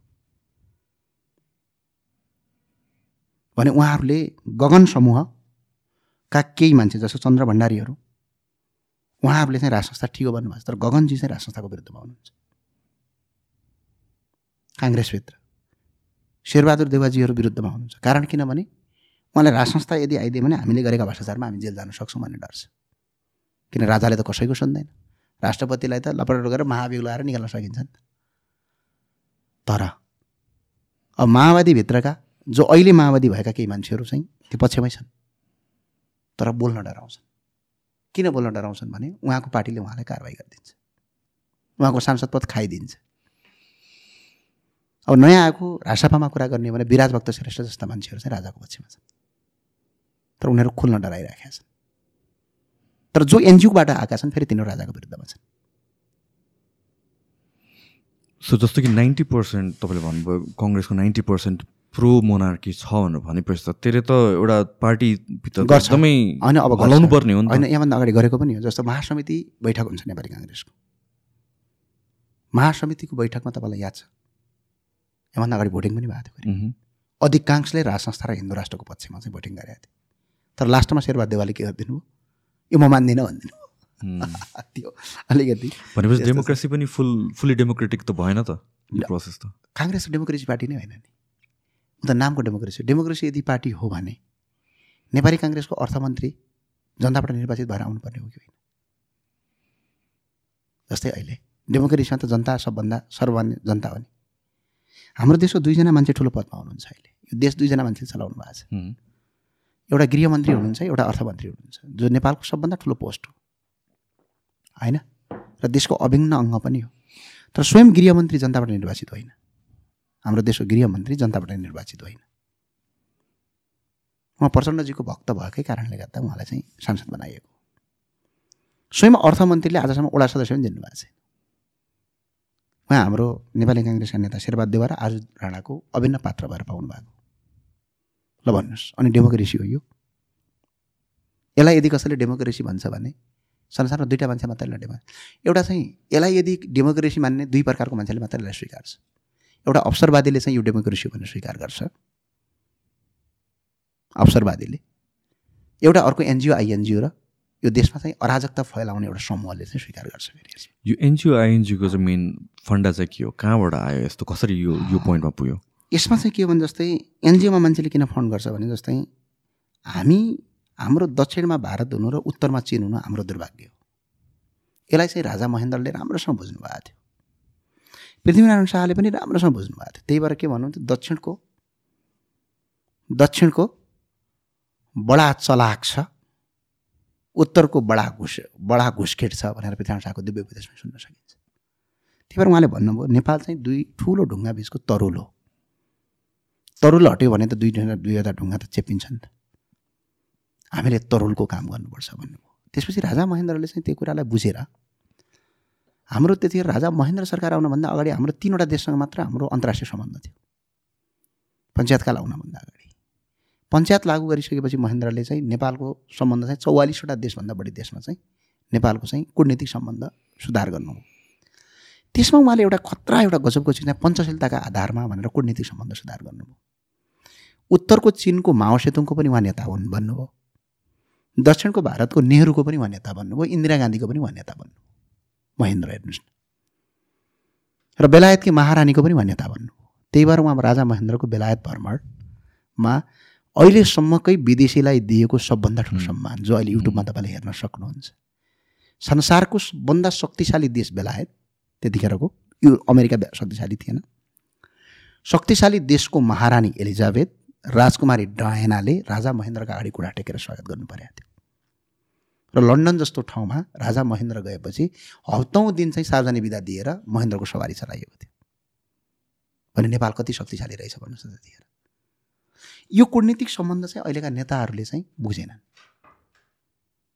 अनि हामी चाहिँ के भयौँ भने चिनलाई ठोक्नका लागि र भारतलाई ठोक्नका लागि चाहिँ नेपाल प्रयोगको पात्र बन्यो। त्यो प्रयोगको पात्र कसबाट बन्छ भने एनजिओबाट बन्छ। अनि एनजिओले चाहिँ इन्फ्लुएन्स चाहिँ मिडिया गर्छ। अनि बुद्धिजीवी नेपालको बुद्धिजीवी एउटा सर्कल जो छ त्यो सर्कललाई चाहिँ एनजिओले पुरै उनीहरूलाई फन्डिङ गरेर राखेको हुन्छ। अनि उहाँहरूले चाहिँ बेला बेला गएर मिडियामा तुच्छ तुच्छ बोलिदिने। होइन? अनि त्यो बोलिसकेपछि चाहिँ त्यसबाट चाहिँ हामीलाई के कुराको एउटा रियलाइज हुन्छ भने ओ हरानोले यस्तो पिएचडी गरेको मान्छे थियो। त्यो पिएचडी गरेको यत्रो ठुलो डाक्टर साहबले त यो व्यवस्था ठिक छैन भनेर बोल्यो वा त्यो त सही हो भनेर हामी भन्छौँ। तर त्यो पिएचडीधारी त्यो ठुलो मान्छे कुनै एउटा एनजिओको फन्डर हुन्छ। अनि त्यो एनजिओ भनेको चाहिँ नेपालको पैसाले हुँदैन विदेशीहरूको डोनेसन हुन्छ। यसको मेन कारण के हो भने हाम्रो जियो पोलिटिक्स हो। नेपालका लागि चाहिँ होइन फेरि यो। मानौँ उदाहरणका लागि बिआरआई कन्सेप्ट नेपालमा लागू भयो। दक्षिणको भारत र उत्तरको चिनलाई हामीले मनाउन सक्यौँ। र नेपालमा चाहिँ तिनवटा ठुला सडक बने। पूर्व रसुवा र पश्चिमको तपाईँको कर्णाली कोरिडोर बने। तिनवटा सडक बनेर हामीले भारत र चिनको सम्बन्ध सुधार गऱ्यौँ र भारतबाट आएका सामान चिन चिनका उत्पादन भारत। र नेपाललाई चाहिँ ट्रान्जिट पोइन्ट बनायो। जस्तो भन्सार उठाउने एउटा पोर्ट जस्तो बनायो भने नेपालको आम्दानी कति हुन्छ होला सोच्नुहोस् त। अहिले नेपालमा आउने सामानले नेपालको देश चलेको छ भने नेपालले खरब अरब ट्रिलियन्स डलर नेपालले कमाउँछ। नेपाल मात्र धनी हुँदैन। उत्तरको चिन पनि धनी हुन्छ दक्षिणको भारत पनि धनी हुन्छ। जसरी युरोपियन युनियन बन्यो त्यसै गरी हामी सार्कको एउटा करेन्सी पनि चलाउन सक्छौँ। अनि जो मान्छे अहिले हामी भिजा र पासपोर्ट लगाएर युरोप र अमेरिकामा काम गर्न मजदुर गरेर जान्छौँ चाहे भारतबाट होस् चाहे नेपालबाट होस् चाहे बङ्गलादेशबाट होस्। कालान्तरमा यो दिन आउँछ कि युरोपियनहरू चाहिँ भिजा र पासपोर्ट लगाएर नेपाल भारत बङ्गलादेश आउनुपर्ने अवस्था हुनसक्छ। किनभने विश्वको सात अर्ब जनसङ्ख्यामध्ये झन्डै चार अर्ब जनसङ्ख्या हाम्रो यही दक्षिण एसियामा बस्छ।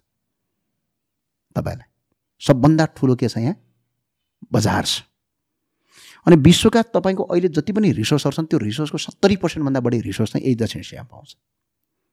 र विश्वको विज्ञानको सबभन्दा उद्गम स्थल यही दक्षिण एसिया हो।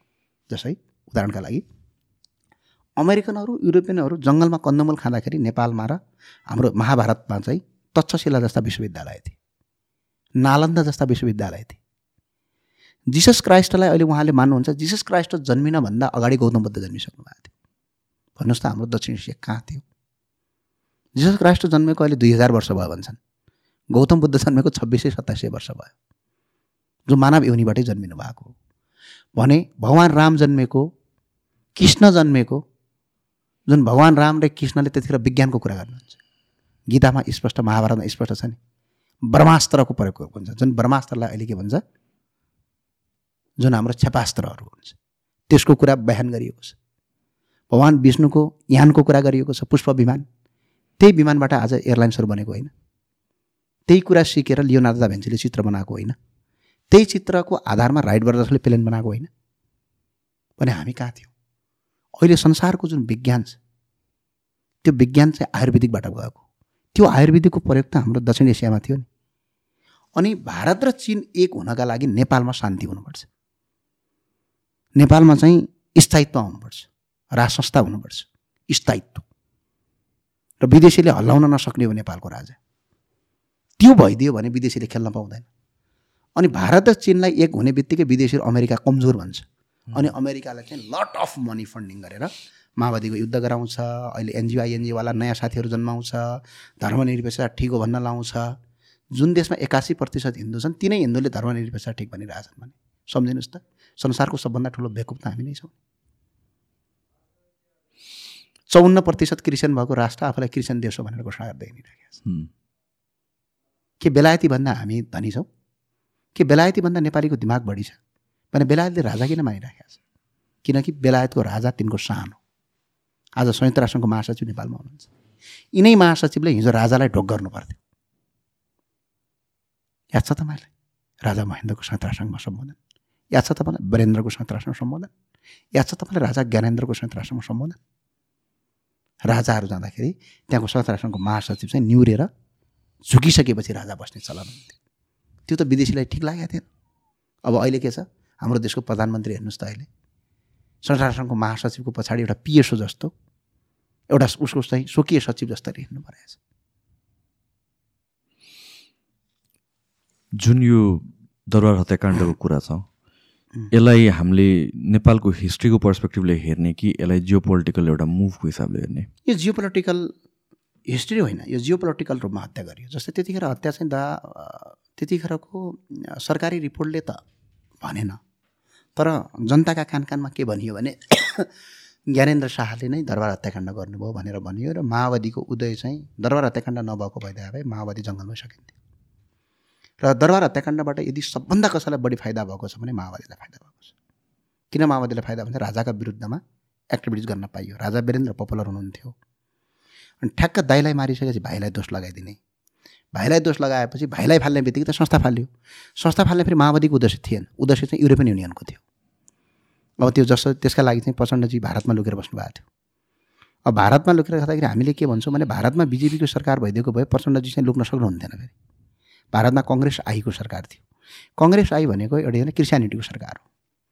जुन कङ्ग्रेस आईकी प्रमुखलाई नेपालमा ठुलो अपमान भोग्नु परेको थियो सोनिया गान्धीलाई। तपाईँलाई कतिको याद छ? सोनिया गान्धी पशुपतिनाथको दर्शन गर्न भनेर नेपाल आउनुभयो सोनिया गान्धी सोनिया गान्धीलाई चाहिँ पशुपतिनाथको मन्दिरभित्र छिर्न दिए। तपाईँ क्रिस्चियन हो त्यो भएर पशुपतिनाथको मन्दिरभित्र छिर्न पाइँदैन भने। र अर्को चाहिँ अहिले पनि नेपालमा के छ भने नेपालको डिफेन्स सिस्टम चाहिँ भारतले हेर्छ आज पनि। नेपालको कुनै पनि हतियार सतियार केही किन्न पऱ्यो भने भारतलाई सोध्नुपर्ने चाहिँ एउटा सन्धि बनाइदिएका छन्। यो सन्धि चाहिँ नेपाली काङ्ग्रेसले बनाएको फेरि है राजाले बनाएको होइन। त्यो सन्धिको एग्निस्टमा गएर वीरेन्द्रले चाहिँ चिनबाट हतियार किन्दै हुनुहुन्थ्यो। त्यो चाहिँ उसको अनफेभरमा भयो। फेरि चाहिँ के थियो भने वीरेन्द्रको हत्या नगरिकन नेपालमा राज संस्था फाल्न सकिँदैन थियो। त्यसका लागि चाहिँ उनीहरूले भरपुर प्रयोग गरे। र ज्ञानेन्द्र शाहलाई आरोप लगाए दोष लगाए। ज्ञानेन्द्र शाहले पनि उन्नाइस दिने आन्दोलन भयो। त्यो सामान्य आन्दोलन थियो। अहिले पनि सिरियाको राष्ट्रपति बसरल असाद हुनुहुन्छ। बसरल असाद राष्ट्रपति हो राजा होइन। उहाँले उहाँको राष्ट्रपतिको विरुद्धमा चाहिँ ठुलो आन्दोलन भयो। झन्डै आठ लाख मान्छे मारिएका छन्। तपाईँले गुगलमा गएर रिपोर्ट पनि हेर्न सक्नुहुन्छ। उहाँले आफ्नो राष्ट्रपति पद छोड्नु भएन मान्छे मारेर पनि त्यसलाई टिकाइदिनु भयो। तर नेपालमा राजा ज्ञानेन्द्र शाहका विरुद्धमा उन्नाइस दिने आन्दोलन भयो। त्यो आन्दोलनमा चाहिँ केही साथीहरू मर्नुभयो तर गोली लागेर कमै मर्नु भएको छ। कोही किचेर मर्नुभयो कोही बिरामी हुनुहुन्थ्यो कोही असुर ग्यास लगाएर मर्नुभयो। तर ज्ञानेन्द्र सरकारले चाहिँ सिधै जनताको नासो जनतालाई फिर्ता पठाइदिनु अनि त्यतिखेर चाहिँ मलाई अहिले पनि याद आउँछ प्रचण्डजीको भाषण सुन्न म पनि गएको थिएँ। प्रचण्डजीले चाहिँ भन्नुभएको थियो दरबार हत्याकाण्डका दोषी म पत्ता लगाउँछु। भन्नुभयो प्रचण्डजी चौसठी सालमा महामन्त्री पनि भन्नुभयो अहिले पनि प्रचण्डजी महामन्त्री हुनुहुन्छ। प्रचण्डजीले चाहिँ दरबार हत्याकाण्डका दोषी सार्वजनिक गर्न चाहिँ कसले रोकेको छ। राजा त सत्तामा छैन। सोह्र वर्ष जति भइसक्यो राजा सत्ताविहीन भएको। राजा त शक्तिमा हुनुहुन्न। राजाले अलिकति केही बोल्यो भनेपछि नेताहरूले चाहिँ तपाईँको खुडी धम्म गर्छन् तपाईँलाई थाहा छ नि। भने दरबार हत्याकाण्ड चाहिँ प्रचण्डजीलाई पत्ता लगाउन कसले रोकेको छ। शेरबहादुरजीलाई दरबार हत्याकाण्ड पत्ता लगाउन कसले रोकेको छ। माधव नेपाललाई दरबार हत्याकाण्ड पत्ता लगाउन कसले रोकेको छ। केपी शर्मा ओलीलाई दरबार हत्याकाण्ड पत्ता लगाउन कसले रोकेको छ। राष्ट्रपति उहाँकै छन् प्रधानमन्त्री उहाँकै छ व्यवस्था उहाँकै छ पुलिस उहाँकै छ आर्मी उहाँकै छ। भने किन रोकेको छ? कारण के छ भने यिनीहरूले नै दरबार हत्याकाण्ड गराए। जनतालाई चाहिँ उल्टो दोष लगाए। त्यसभन्दा अलि रोक्नुपर्ने केही कारण छैन नि। मजाले ज्ञानेन्द्र शाहले नै गर्नुभएको हो भने मजाले अनुसन्धान गरेर प्रमाण दिएर प्रचण्डले ल उहाँले गरे भनेपछि त देशका जनताले त ज्ञानेन्द्र शाहलाई त राजा मान्नुपर्ने कुनै कारणै हुँदैन। किन गर्न सक्दैनन् त अहिले? हिजो पो राजाले रोके भन्नु ल अहिले किन सक्दैनन्? किनकि दरबार हत्याकाण्ड यिनीहरूले नै गराएका थिए। यिनीहरूले होइन विदेशीको इसारामा यिनीहरूको सहयोग थियो। त्यतिखेरको नेपाल आर्मीका केही अफिसर त्यसमा मिलेका थिए। जुन दिपेन्द्रको इन्भल्भमेन्ट भन्ने नेरेटिभ छ त्यो नेरेटिभ तँलाई अब म चाहिँ त्यसको डिटेलै भित्र जाँदिनँ। अब मलाई त्यति डिटेल थाहा पनि छैन। अब मैले थाहा नभएको कुरा आफूले आँखाले नदेखेको कुरा भन्नु हुँदैन। तर एउटा राजनीतिक यसो पेरिफेरीमा शङ्काको विषयवस्तुमा जो अघि मैले भने नि यिनीहरूले नै हत्या गरे भन्ने एउटा शङ्का के हो भने सोह्र वर्ष भइसकेपछि दरबारबाट बाहिर गएको राजालाई अनुसन्धान गर्न चाहिँ यिनलाई कसले रोकेको छ? अहिले त कसैले रोक्न सक्दैन। किन गर्दैनन् त भनेपछि कहीँ न कहीँ त यिनीहरू हुन् नि त। राजाका विरुद्धमा त्यतिखेर दरबारका विरुद्धमा षड्यन्त्र त माओवादीले नै गरेर युद्ध गरेका थियो नि होइन वीरेन्द्र हुँदाखेरि नेपालमा युद्ध भइसकेको थियो होइन वीरेन्द्र सरकारको हत्या अन्ठाउन्न सालमा भयो। माओवादीले छप्पन्न सन्ताउन्न सालबाट देशभरि मान्छे मार्न सुरु गरिसकेको थियो। राज संस्थाका विरुद्धमा। भने त राज संस्था जाँदा त सबभन्दा बढी फाइदा त उहाँलाई नै छ नि। भने यो। सो एमसिसीको हामीले फाइनेन्सियल पर्सपेक्टिभबाट कुरा गरेर जियो पोलिटिकल पर्सपेक्टिभबाट चाहिँ के देख्नु फाइनेन्सियल पर्सबाट के छ भने पचपन्न अर्ब रुपियाँ हो। आउने पचपन्न अर्ब रुपियाँ चाहिँ हामीले एनसिएलमा मुद्दा हालेर एक खर्ब जितेका छौँ। त्यतिखेर मुद्दा हाल्ने एकजना मान्छे म पनि हो। त्यो एक खर्ब रुपियाँ ल्याए भएको नि अहिले पनि ठुला करदाता कार्यालयमा झन्डै झन्डै तिन खर्बभन्दा बढी पैसा उठ्न बाँकी छ। त्यो पैसा उठाए भयो। बेरुजु अहिले पनि छ खर्ब बाँकी छ। त्यो पैसा उठाउँदा हुन्छ। अहिले पनि सम्मानित सर्वोच्च अदालतले राजस्व उठा भनेको चाहिँ झन्डै एक खर्ब बाँकी छ अरे अदालतले फैसला गरिसक्यो तर पैसा उठेको छैन। यिनीहरूलाई पैसा उठाइदिएर त्यहाँ हाले भइगयो नि। अब परदेश किन पाल्नु पऱ्यो परदेश खारेज गरिदिएर यदि विकासै चाहिएको भने आठ नौ खर्ब वर्षको दुई तिन खर्ब बच्छ। दुई तिन खर्ब भनेको सामान्य रकम होइन अब अहिले हिसाब हेर्न आउँदै थिएँ कस्तो रहेछ भने नेपालले विदेशबाट ल्याएको ऋणको ब्याजभन्दा विकास खर्च कम रहेछ। भर्खर अहिले एउटा न्युजले लेखिरहेको थियो। फाइनेन्सियली मात्र नहेर्दा जियो पोलिटिकल चाहिँ कसरी हेर्नुहुन्छ एमसिसीलाई जियो पोलिटिक्स के हो भने जस्तै त्यसमा दुई तिनवटा कुराहरू छ जस्तै के छ भने एमसिसीमा कार्यरत कर्मचारी र एमसिसीका कुनै पनि कर्मचारीले कुनै पनि मान्छेको मर्डर हत्या हिंसा गर्नुभयो। भने उहाँलाई चाहिँ नेपालको कानुन लाग्दैन। त्यसले चाहिँ के गर्छ भने भोलि अपराध गर्ने मान्छे चाहिँ सजिलै नेपालमा उन्मुक्ति पाउन सक्छ। नेपालको संविधानभन्दा एमसिसी ठुलो हुन्छ। नेपालका प्रचलित कानुन र एमसिसी यदि बाजिएमा प्रचलित कानुनलाई छोडेर एमसिसी लागू हुने भनेको छ। यसले चाहिँ मुलुकलाई अराजकतातिर लिन्छ यसको असर अहिले देखिँदैन। फेरि धेरैलाई के लाग्छ होला भने हो अहिले त देखिएन ज्ञानेन्द्रजीले झुटो बोल्नु भएको रहेछ भन्ने लाग्ला। यसको असर अहिले देखिँदैन। यो सोलो पोइजन हो। यसको बिस्तारै असर देखिँदै जान्छ। यसबाट सब किनभने उनीहरू बाटो छन्। सरकारी कर्मचारीलाई पनि यिनले पैसा खुवाएर पालेका छन्। संसदमा बिल पास गर्ने नेताहरूलाई पनि चुनावी खर्च टन्नै दिएका छन्। र मिडियालाई पनि टन्नै पैसा गएको छ। अनि त्यही भएर मिडियाले लेख्दैनन् यो कुरा। एमसिसीको वास्तविक कन्ट्याक्ट मिडियाले बाहिर ल्याउन सक्छ? चुनौती भयो। त भोलिबाट लेख्न सुरु गराउन सक्छ कसैले? सक्दैन। किन सक्दैन भने उसको फन्डिङ गरेको छ। फेरि एमसिसीका समर्थक जो जो छन् तिनीहरूले चाहिँ मिडियालाई चाहिँ हिरो बनाएको हुन्छन् फेरि मिडियाहरूले। म तिन चारवटा एउटा कुरा एउटा म नाम चाहिँ तोकिनँ एउटा पुलिस अफिसरको कुरा गर्छु है आज तपाईँहरूलाई मिडियाको इन्फ्लुएन्स कस्तो रहेछ भनेर। एकजना प्रहरी अफिसर नाम चाहिँ भनिनँ बुझ्नेले बुझिहाल्नुहुन्छ। आफ्नो काका आइजिपी भइसकेपछि ऊ चाहिँ नेपालको भर्ना प्रक्रियाबाट होइन कि माथिबाट पावर लगाएर खेलाडी भएको मान्छे चाहिँ नेपाल प्रहरीको इन्सपेक्टर हुन्छ। अनि एउटा चाहिँ के हुन्छ भने नेपाल प्रहरीमा चाहिँ लिखित रूपमा इक्जाम दिएर पास गरेर उसै इन्सपेक्टर हुन्छ।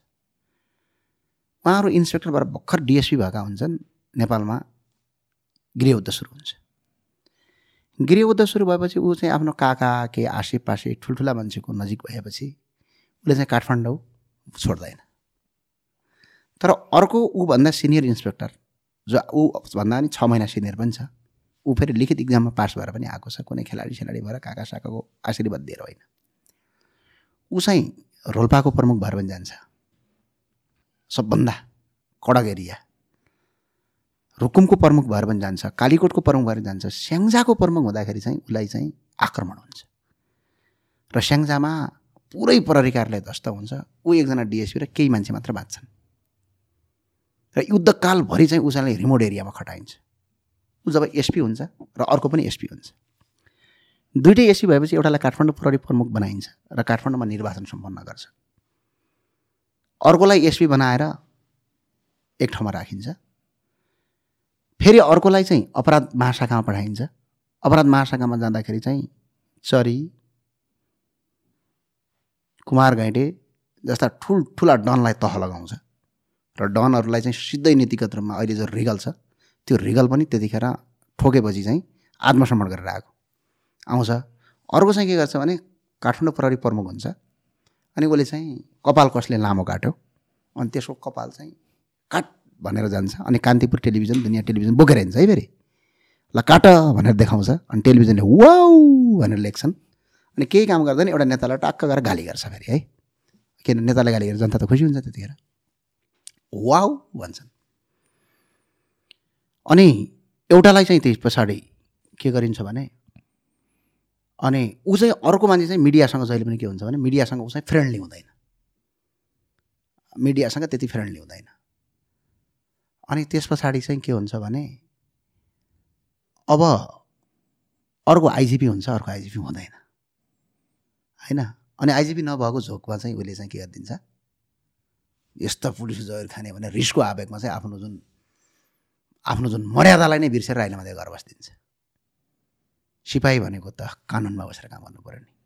अनि उसका मिडिया चाहिँ टन्नै हुन्छन् उसो किनकि उसले चाहिँ मिडिया पुरै बोकेर हिँडे हुन्छ। अनि मिडियाले वाउ वाउ वाउ लेख्छन्। अब अर्कोलाई चोर अपराधी भए केही लेख्दैनन्। अनि उसले आफू गृहमन्त्री भएको गृहमन्त्रीको भाइलाई पक्रेर जेल हाल्छ। अनि अहिले दुइटैलाई सँगै ल्याएर जाँद्यो भने एउटा भेलेन भएर बसिया छ। जो काम गर्ने मान्छे चाहिँ भेलेन भएर बस्यो होइन? जो कामै नगर्ने सिर्फ मिडिया बोक्ने मान्छे चाहिँ हिरो छ फेरि। अब कसलाई विश्वास गर्नु? अनि अनि सुन पक्रिन्छन् दुइटैले। एउटाले सुन पक्रेर एक रुपियाँ पनि घुस्न खाएर सुन चाहिँ सबै सरकारको जिम्मा लाउँछ। एउटा चाहिँ के भन्छ मेरो श्रीमतीले पक्राएको भनेर टन्न पैसा लगेर पच्चिस सत्र अठार करोड कति कति करोड मेरो श्रीमती सुराकी हो भनेर श्रीमती जो कहिले पनि सुराकी हुँदैन। बिचरा एकजना सही साप कि कनले हो एकजना। त्यो प्रहरीभित्रकै मान्छेले सूचना दिए हुन्छ तर त्यसको नाम काटेर आफ्नो श्रीमतीको नाम हालेर चाहिँ उसले लिगल्ली लिगल्ली भ्रष्टाचार गरेर पैसा कमाउँछ। अनि ऊ चाहिँ के भन्छ ऊ चाहिँ फेरि हिरो हुन्छ नेपाली सोसाइटीमा किनकि मिडियाको नजिक छ नि त मिडियाले हिरो बनाइदिएको नि त। अनि अर्को चाहिँ जहिले पनि अपराधी जस्तो ट्रिटमेन्ट गरेको गरे फट्टा चोर नाका मिडियाले लेखेको लेखै गर्छ। मिडियाको यति धेरै ठुलो हात हुन्छ कुनै मान्छेलाई हिरो र कुनैलाई जिरो बनाउनका लागि। त्यही भएर नेपालमा चाहिँ एनजिओ बेसका नेताहरूलाई नेपालका मिडियाले चाहिँ हिरो बनाउँछ। कारण किनकि उनीहरूको फन्डिङ हुन्छ। एमसिसी पनि आज त्यही हो। एमसिसी जसले समर्थन गर्यो त्यति मान्छेले चुनाव जितेर आएछन् थाहा छ तपाईँलाई?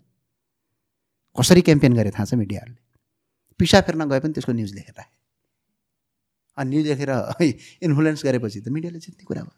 धन्न म जुम्लामा थिएँ। जुम्लामा यहाँका काठमाडौँका मिडियाको केही चल्दैन थियो।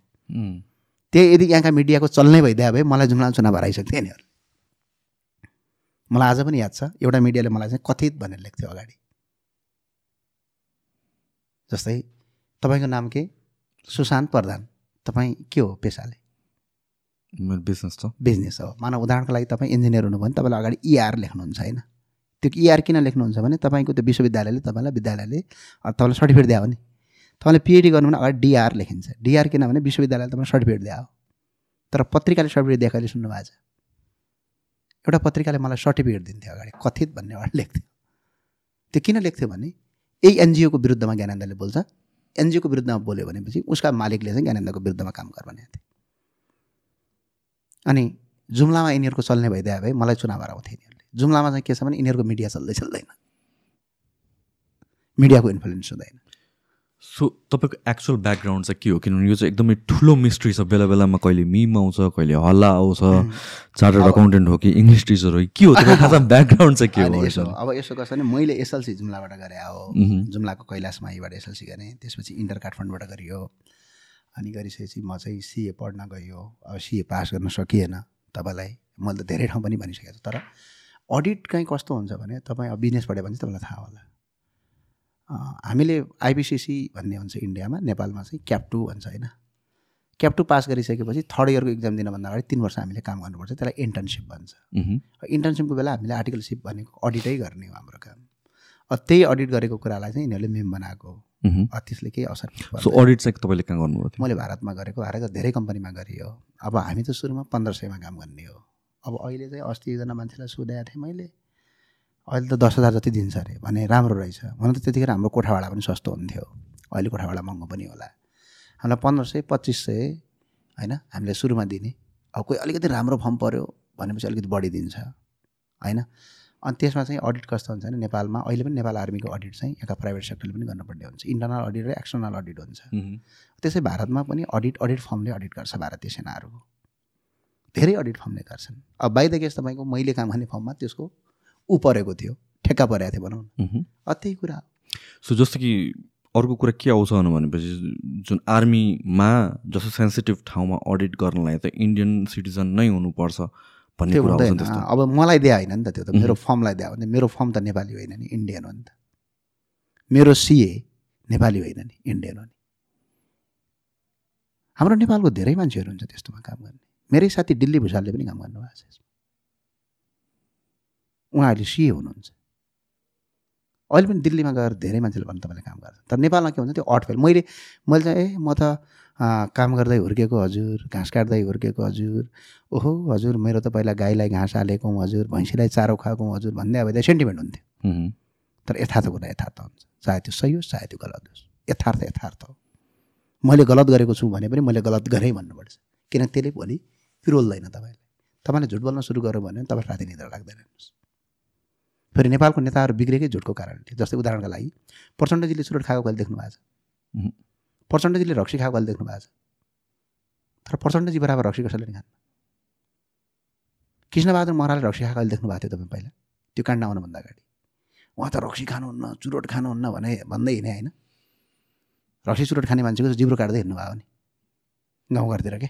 पहिला युद्धकालको बेला। तर सबभन्दा बढी रक्सी खाने उहाँ देख्नु नेपालमा चाहिँ कम्युनिस्टहरू चाहिँ कस्तो हुन्छ भने भित्री एउटा हुन्छ बाहिरी अर्को हुन्छ। हामी चाहिँ भित्र पनि एउटै हुन्छ बाहिर पनि एउटै हुन्छ। चाहे त्यसलाई पत्याउ चाहे राम्रो मान नमान त्यसमा कुनै मतलब हुँदैन। जस्तो अस्ति पारा सरकारले चुरोट खाँदाखेरि धेरैले चुरोट खायो भने शेरबा देवाल चुरोट खाएको थाहा छ तपाईँलाई?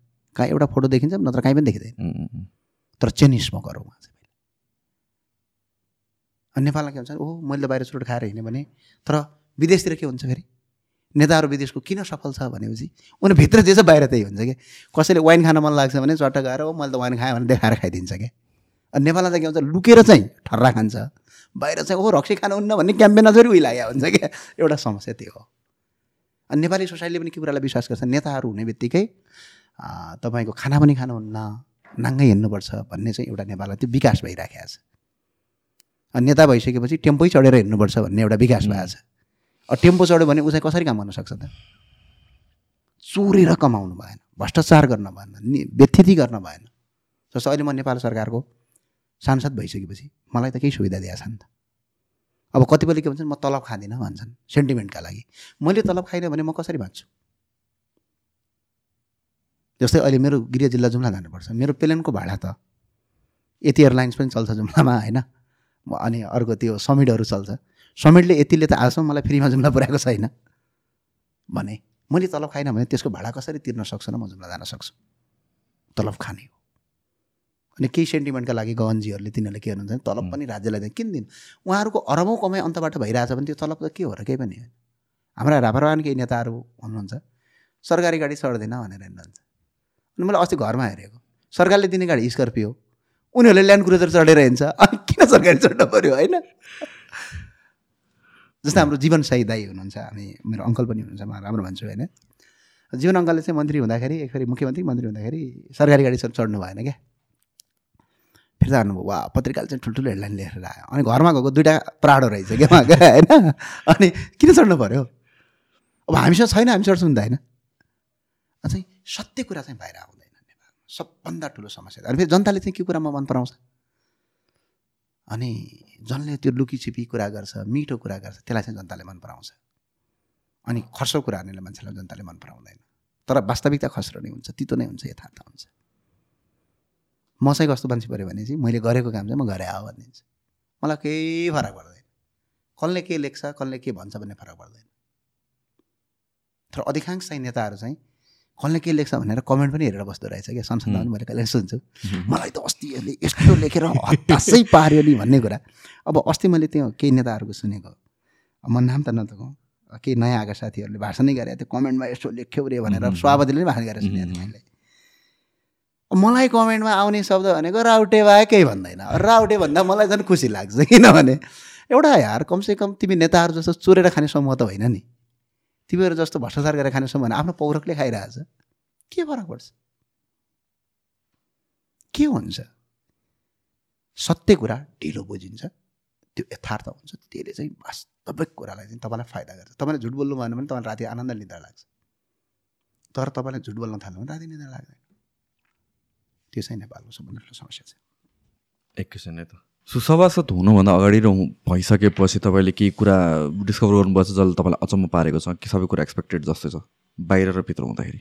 त्यस्तो खासै केही फरक पर्दैन। बरु गाह्रो र टेन्सन चाहिँ भइरहेछ। जुन हिसाबले चाहिँ त्यो संसदभित्र गइसकेपछि चाहिँ के के न होला जस्तो सोचेर हामीले त्यहाँ कहाँ गएर काम गर्न सक्छौँ भन्ने जुन सोच बाहिर हुन्छ।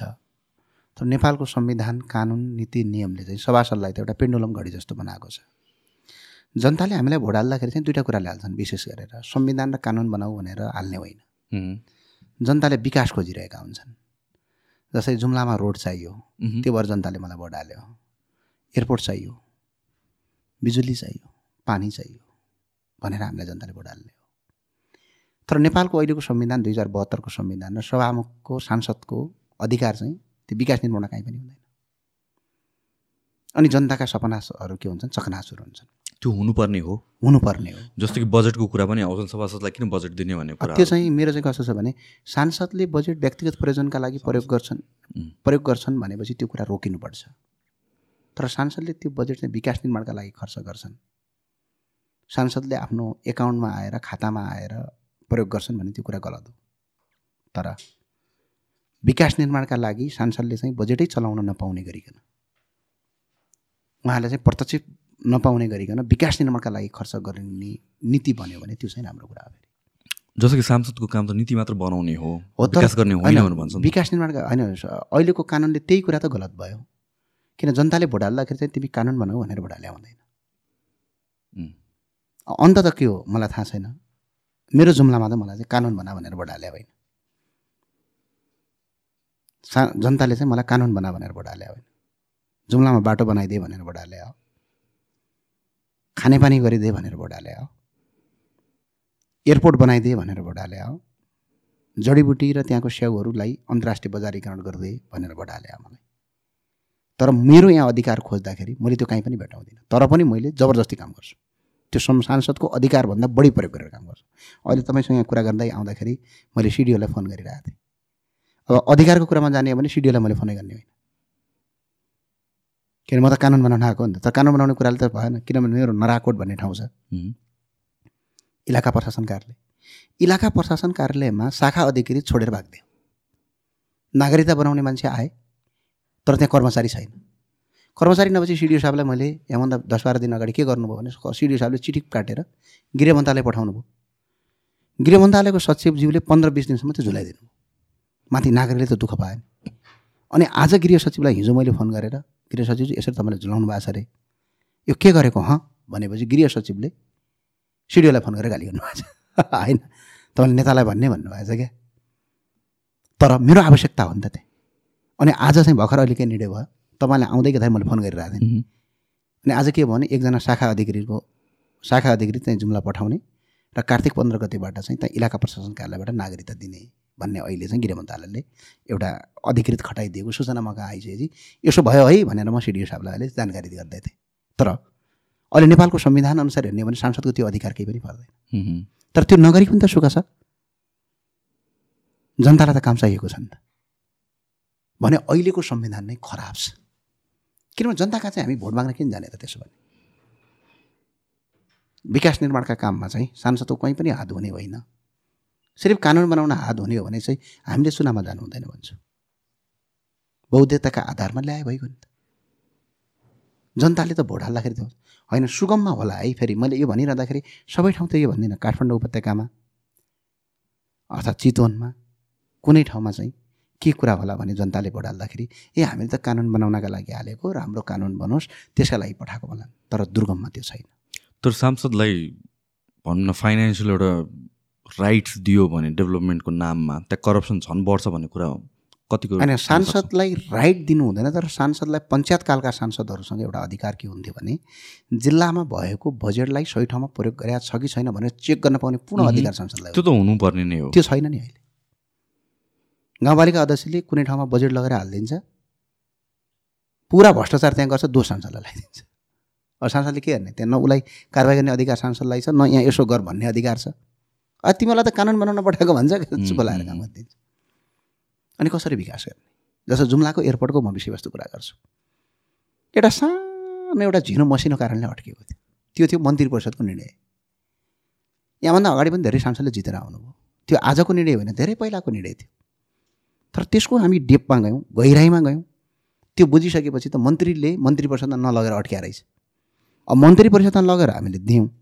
मन्त्रीलाई पनि भन्यौँ तपाईँले नै अड्काउनु भएको छ। किनभने गल्ती तपाईँले गर्यो भन्ने कुरा थाहा पाएपछि मन्त्री पनि के भयो भने ओहो यो गल्ती त मैले नै गरे रहेछु अब भ गरे पनि मैले गर्न सक्छु गरिनँ भने पनि मै नै दोषी हुन्छु भन्ने कुरा बुझेपछि उहाँले मन्त्री परिषद लिएर निर्णय गराउनु भयो। अब मन्त्री त्यहाँबाट के भन्नु? उम्किनु भयो। मन्त्रीलाई त अब दोष लाउन मिलेन नि त। तर बजेट हाल्दाखेरि पचास लाख हालिदियो। अब यतापट्टिको बिल्डिङ बनाउँदाखेरि चाहिँ पाँच करोड हालिदियो। अब सुन्नुहोस् है।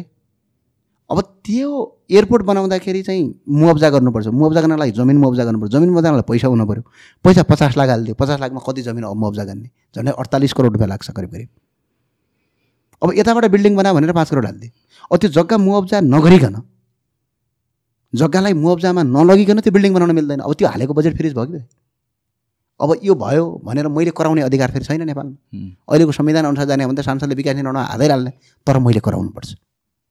मैले आन्दोलन गर्नुपर्छ मैले संसदमा आवाज उठाउनुपर्छ मन्त्रीलाई भेट्नुपर्छ। आवश्यक पऱ्यो भने तपाईँ सडक आन्दोलन पनि गर्नुपर्छ। अब विकास निर्णय मेरो हात त हुनु पऱ्यो नि त जनताले त जिताएको हो नि त।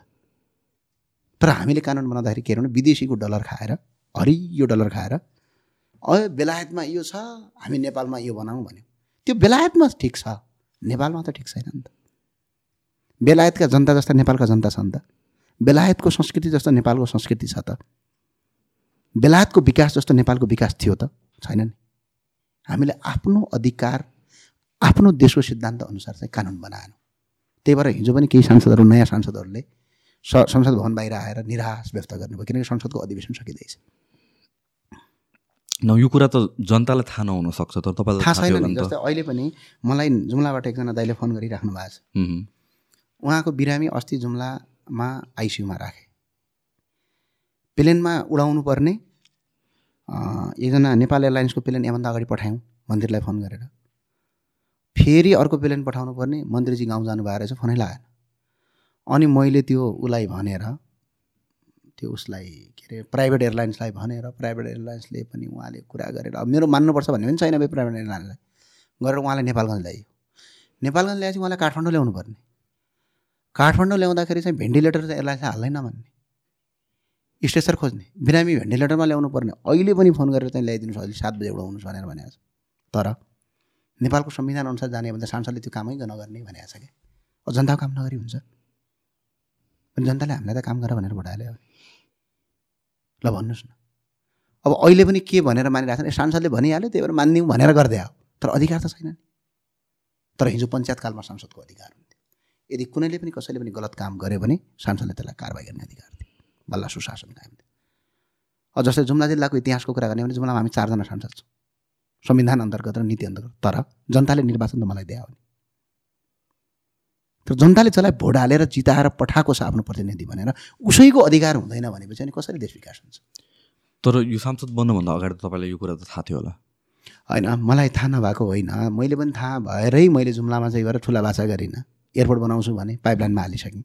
कर्णाली राजमार्ग बनाउँछु भने अहिले स्ट्रक्चर गरेर पिच गर्न खोज्दैछु माथिपट्टि सिजाको सडक।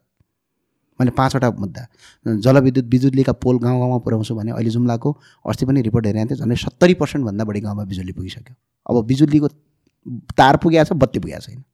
अब बत्ती अब चुकेनी जलविद्युत हाइड्रो पावर तिन वर्षदेखि अल्पत्र थियो। अब एक दुई महिनाभित्र त्यो कम्प्लिट गर्छ दुई पर्सेन्ट मात्र काम बाँकी छ। हामीले निरन्तर गरिरहेछौँ टेलिकममा पुरा जुम्लामा फोर जी कस्तो मैले चुनाव लड्नभन्दा अगाडि चल्दा पनि चल्दैन थियो। अहिले जुम्ला बजारमा चल्छ। त्यहाँ अप्टिकल फाइबर पुऱ्याएको छ। तर अब मेरो अधिकार होइन फेरि तर मैले कराउनु पऱ्यो अधिकार दिए भए त्यहाँ अझ कति गर्न सकिन्थ्यो होला। अब अहिले त्यो पातारासी भन्ने ठाउँमा पुरा नेटवर्क छैन। त्यहाँ चाहिँ एउटा टावर बनाऊ भनेर कराएको कराइसँग एउटासँग ठेक्का तोडेर अर्कोलाई गर्न लगाइराखेको छ। जुम्लाको जो पाण्डव भन्ने ठाउँमा पाण्डव गुफाको माथि पाण्डव भन्ने ठाउँ छ कनाका सुन्दरी।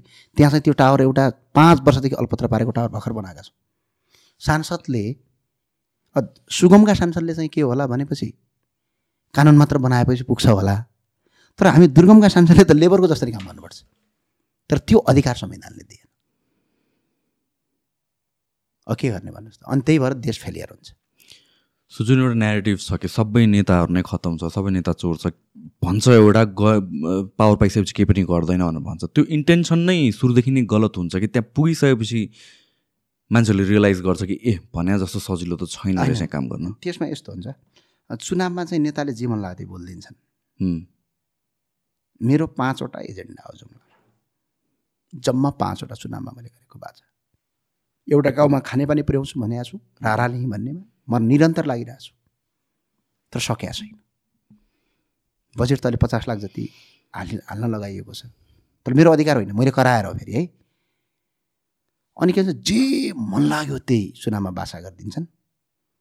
अति जे मन लाग्यो त्यही गरेको कुरा त परिपूर्ति गर्न सकिँदैन नि त अनि नसकेपछि निराशा हुन्छ। फेरि नेपालको अधिकांश जनताले चाहिँ भोट हाल्दाखेरि चाहिँ सबै कुरा बिर्सिदिन्छन्। नत्र भने यी अपराधी जस्तो भ्रष्टाचारी हुन् भनेर मैले व्यक्तिगत रूपमा गइनँ। गुगल बास्कोटालाई भ्रष्टाचारी हुन् एक भोट पनि ल्याउँदैन भनेर नेपालभरि प्रचार थियो। गुगल बास्कोटाले दिएको इन्टरभ्यू आज पनि म हेर्छु।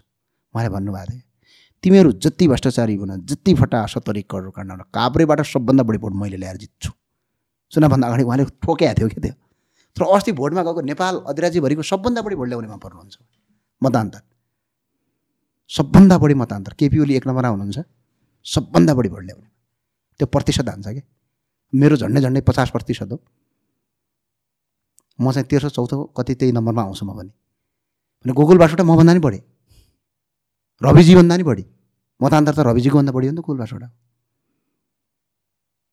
भनेपछि अब प्रचण्डजीलाई बेसरी बेसरी बेसरी गाली गर्छन्। प्रचण्डजीले त यसो त्यो त्यतिखेरको त्यो चुनावको बेलाको त्यो चुनावभन्दा अगाडिको त्यो गाली दुनियाँ यताउति हेर्ने हो भने त मलाई के लाग्थ्यो प्रचण्डजीको पच्चिस सय मात्र आउँछ जस्तो लाग्थ्यो। तर सबभन्दा बढी भोट भोट ल्याएर जित्नु किनभने भोट हाल्ने त कोही गाई गोरुले त हालेन जनताले हाल्यो। जनताले चुनावको बेला सब कुरा बिर्सिदिन्छ। त्यो चाहिँ जनताको सबभन्दा ठुलो कमजोरी हो। फेरि जनता पनि छैन क्या जनतालाई पनि दोष दिनु छैन। यिनीहरूले चुनाव कस्तो गरेका छन् हेर्नु न जस्तै उदाहरणका लागि कस्तो बाठो काम गरेका छ है यिनीहरूले। मलाई त कहिले काहीँ हाँसो लाग्छ क्या जस्तो त्यो अस्ति एउटा फिल्म हेरेको थिएँ। त्यो फिल्म के थियो भने एउटा त्यो अरे के फिल्म थियो? स्वस्तिमा खड्का। वर्षा रावतको एउटा फिल्म आएको थियो क्या। भर्खर रिसेन्ट होला रिसेन्टली एउटा मुभी आएको थियो। त्यसमा चाहिँ गठबन्धन हराउँछ क्या त्यहाँ। हामी चाहिँ कस्तो हौँ भने त्यो जालबाट माझीको जालबाट फुत्केको माछा जस्तो हौँ हामी चुनाव जित्ने मान्छे भने अहिले। चुनाव त कार्यकर्ता कार्यकर्ता बिचमा हुने हो जनता जनता बिचमा हुँदैन। जस्तै उदाहरणका लागि सुन्नुहोस्। नेपालको रेकर्ड डेट त्रिपन्न लाख युवाहरू जो भोट हाल्ने युवाहरू विदेशमा छन् जसले मतदानमा भागै लिन पाउन्नन् नेपालको सबभन्दा तपाईँको ट्यालेन्टेड भएर सरकारी कर्मचारी भएका पुलिस आर्मी भएका मान्छे झन्डै चार लाख छन्। आर्मी सरकारी कर्मचारी ती चार लाखले पनि भोट हाल्न पाउँदैनन्। नेपालका अधिकांश युवाहरू सहरमा छन् गाउँमा छैनन्। जस्तै हुम्लाको एकजना युवा नेपालगञ्जमा आएर बस्छ तर चुनावको लागि मात्रै भनेर उसले आफ्नो व्यक्तिगत खर्च गरेर पचास हजार रुपियाँ खर्च गरेर ऊ हुम्ला गएर भोट हाल्न सक्दैन। अनि उसलाई नेपालगञ्जबाट हुम्ला भोट हाल्ने अधिकार छैन। हो कि नै? भनेपछि त्रिपन्न लाख थियो चार लाख थियो झन्डै झन्डै असी लाख जो स्वतन्त्र मान्छे हुन्। ती मान्छेले भोटै हाल्न पाउँदैन असी नब्बे लाखले। अनि भोट कसले हाल्छ? जो गाउँमा कार्यकर्ता थियो जो हिजो एमाले थियो त्यहाँ गाउँमा वडा अध्यक्ष भएको थियो वडा सदस्य भएको थियो अनि त्यहीले हाल्न पाउँछ। अनि एउटा कार्यकर्ताले अर्को कार्यकर्ताले भोट हाल्न पाउँछ क्या। अब कार्यकर्ता कार्यकर्ता बिचमा भोटिङ गरेपछि त अनि एउटा कार्यकर्ताले जित्छ। ल यदि विदेशमा रहेका नेपालीलाई भोट हाल्न दिने अधिकार नेपालका सरकारी कर्मचारीलाई भोट हाल्ने अधिकार यदि सोलुखुम्बुको युवा काठमाडौँमा छ भने उसले काठमाडौँबाट सोलुखुम्बुमा भोट हाल्न पाउने अधिकार। यदि वीरगन्जमा छ भने मुस्ताङको मान्छे वीरगन्जमा छ भने वीरगन्जबाट भोट हाल्न मुस्ताङमा भोट हाल्न पाउने अधिकार। यदि हामीले यो सिस्टम मिलायौँ भने अहिलेका जति पनि यहाँ आएका नेता र यिनका दलको जमानत जफत हुन्छ। बिल्कुलै नयाँ मान्छेले जित्छन् जस्तो काठमाडौँमा किन परिवर्तन भयो भने काठमाडौँका जनतालाई किन्न सकिँदैन नि। काठमाडौँमा त कार्यकर्ता छैन नि त। जस्तो हाम्रो सबभन्दा बढी भोट समानुपातिकमा काठमाडौँमा रापरपाको भोट आएको। उपत्यकाका तिनवटा जिल्लामा। झन्डै काठमाडौँमा हाम्रो नब्बे हजार भोट छ समानुपातिकमा। भन्नुहोस् न। तर हाम्रो कार्यकर्तै छैन। काठमाडौँ जिल्लाको कुरा गर्ने हो भने उपत्यकाको गर्ने भने झन्डै झन्डै एक लाख सैँतिस हजारभन्दा बढी भोट छ हाम्रो। एक नम्बरमा हामी छौँ सबभन्दा बढी समानुपातिकमा यो प्रदेशमा हामीले भोट ल्याउनेमा। तर हाम्रो कार्यकर्तै छैन। किन भनेपछि काठमाडौँमा जनताले चाहिँ पार्टीको नेता भएर चुनाव गर्दैन। त्यही भएर नयाँ मान्छेले चुनाव जित्छन्। तर काठमाडौँ जस्तो देशभरि छैन नि। जुम्लामा हामीले चुनाव किन जित्यौँ। जुम्ला त गठबन्धनका काङ्ग्रेस एमाले माओवादीका कार्यकर्ताले मलाई भोट त्यहाँ मैले जितेँ। जस्तो हुम्लामा त्यो हुँदैन नि। मुगुमा त्यो हुन्न कालीकोटमा त्यो हुन्न। सबै ठाउँ हुँदैन तर यदि सबै ठाउँमा कार्यकर्ता बाहेक बाहिरका मान्छेले भोट अधिकार भइदिए सबै ठाउँबाट जितेर आइन्थ्यो। अनि त्यो भएर परिवर्तन हुँदैन। विदेशमा भोट विदेशमा रहेका नेपालीलाई भोट हाल्ने अधिकार यदि प्रचण्डजीले गयो भने प्रचण्डजीले नै चुनाव हार्नुहुन्छ केपी ओलीजीले चुनाव हार्नुहुन्छ। उहाँ आफूले चुनाव हार्ने कुरा किन निर्णय गर्नुहुन्छ? उहाँ निर्णय गर्नु अनि यसलाई फेरि के भन्नुहुन्छ? अनि फेरि अलि सांसदहरू बोल्न सक्दैनन् नि किन थाहा छ? समानुपातिक सांसदलाई एउटा अधिकार के दिएको छ भने समानुपातिक सांसदले पार्टीको विरुद्धमा गयो भने पार्टी अध्यक्षले चेन्ज गर्न पाउँछ। सांसद चेन्ज गर्नु सिकेरावले भर्खरै चेन्ज गर्नुभयो नि। अब समानुपातिक सांसद कहिल्यै पनि जस्तो टिआरसीमा तपाईँले भन्नुहुन्छ सबै सांसदले कस्तो नमजा नमिठो छ यो नराम्रो छ भन्छन् क्या बाहिर आएर। टेलिभिजनतिर भन्छ। बोल्दैन। तर संसदमा बोल्दैनन् किन बोल्दैनन् भने समानुपातिक सांसदले त त्यहाँको नेताको टाउको हेर्ने हो। त्यो नेताले जे भने त्यही। जे भन्यो त्यो यदि मानेन भने बेलुका भोलि सांसद पद खुस्किन्छ। त्यो कानुन बनाइदिएका छन्। सबैलाई ट्रापमा राख्ने क्या। दलको नेता भएपछि राजा त्यही। भने अनि यसलाई फेरि यिनीहरूले के को परिभाषा दिन्छन्? लोकतन्त्रको परिभाषा दिन्छन्। लोकतन्त्र भनेको त जनताबाट निर्वाचित हो नि। भने अहिले गृहमन्त्री जनता कहाँबाट जितेर आउनुभयो मलाई भनिदिनुहोस् त। अहिलेको अर्थमन्त्री कहाँबाट जितेर आउनुभयो भनिदिनुहोस् त। नेपालका एक सय दसजना सांसद संसदमा छन् एक सय पैँसठी हामी निर्वाचित एक सय दस। एक सय दसजना सांसदले कहाँ कहाँबाट जित्नुभयो त ल भन्नुहोस् त। त्यो त के? जातका आधारमा कोही पार्टीका नेताको नजिक भएका आधारमा अनि पार्टीका नेताको गुणगान गाएका आधारमा। अनि आसेपासे ल्याएर संसदमा भरेपछि अनि संसद चाहिँ संसद जस्तो र प्रजातन्त्र जस्तो हुन्छ। पञ्चायतकालमा किन विकास हुन्थ्यो थाहा छ देशमा? जतिजना मान्छे आउँथे निर्वाचित भएर आउँथे कि? अहिले म अस्ति मकाउ गएको मकाउबाट खतरा कानुन रहेछ। त्यहाँ के रहेछ भने सडतालिस प्रतिशत मान्छेहरू चाहिँ सांसदहरू चाहिँ विभिन्न क्याटागोरीबाट ल्याउँदो रहेछ। क्यासिनोबाट चलचित्रबाट कलाबाट इन्जिनियरिङबाट होइन? विभिन्न सेक्टर छुट्याइदिएर रहेछ कि? जस्तै नेपालको जस्तै त दलितबाट मा राईबाट छेत्रीबाट लिम्बूबाट तामाङबाट भनेर जुन हाम्रो जात छुट्याएको छ नि त्यहाँ त्यस्तै त्यहाँ के अरे क्याटागोरी छुट्याएर रहेछ कि? फिल्ड डिफ्रेन्ट इन्जिनियरिङबाट। हुनु पनि त्यही हो नि त। अब अनि कला क्षेत्रबाट साहित्यबाट अनि आएर तपाईँको अन्तर्राष्ट्रिय जगत अन्तर्राष्ट्रिय जगतबाट यसरी छुट्याएर सडतालिसजना हिजो पञ्चायतमा ठ्याक्कै त्यही थियो। जस्तै हाम्रो प्रकाश चन्द्र लोहनी केबाट जित्यो थाहा छ तपाईँलाई पहिले सुना? स्नाकोत्तर समूहबाट जितेको। त्यो कोटा हुन्थ्यो क्या देशभरिका बाह्र हजार स्नाकोत्तर गरे मान्छे थियो त्यतिखेर। स्नाकोत्तर भने गराएको मान्छे। त्यो स्नाकोत्तर गरेका बाह्र हजार मान्छेले भोट हाले। स्नाकोत्तर ए स्नाकोत्तर भन्छ कि? स्नातक स्नातक स्नातक, स्नाकोत्तर होइन स्नातक। होइन डिग्री गरेको के हुन्छ? डिग्रीलाई स्नाकोत्तर भन्छ कि के भन्छ हामी त नेपाली पनि बिर्सिसकेको। डिग्री गरेको भनौँ न त। डिग्री गरेको समूह बाह्र हजार थियो देशभरि। अनि त्यो बाह्र हजार डिग्री गरेका मान्छे त्यो भोटर आइडी कार्ड पनि डिग्री गरेका मान्छेले मात्रै भोट हाल्नु पाउँथ्यो क्या अनि डिग्री गरेका मान्छे मध्ये चाहिँ डाक्टर प्रकाश चन्द्र लोहनीले जितेर आउनुभयो दुई हजार तेत्तिस चौतिस पैँतिस सालमा क्या। भन कति खतरा रहेछ भने त त्यो सिस्टम। राज्यसभा हुन्छ। त्यतिखेर पनि राज्यसभा हुन्छ। राजाले नियुक्ति गर्थ्यो कस्ता? जसो भद्रकुमारी घले राजाको सांसद थाहा छ? आज पनि त्यत्तिकै चर्चित हुनुहुन्छ। उहाँलाई समाजसेविका तर्फबाट भनेर राखेको थियो त्यसरी राख्थ्यो क्या त्यतिखेर। समाजसेवी चलचित्रकर्मी होइन? स्नातक गरेको समूह। चुनावै हुन्थ्यो भने स्नातक समूहको भने त त्यहाँबाट त हाई क्वालिफाइड मान्छे आउँछ नि।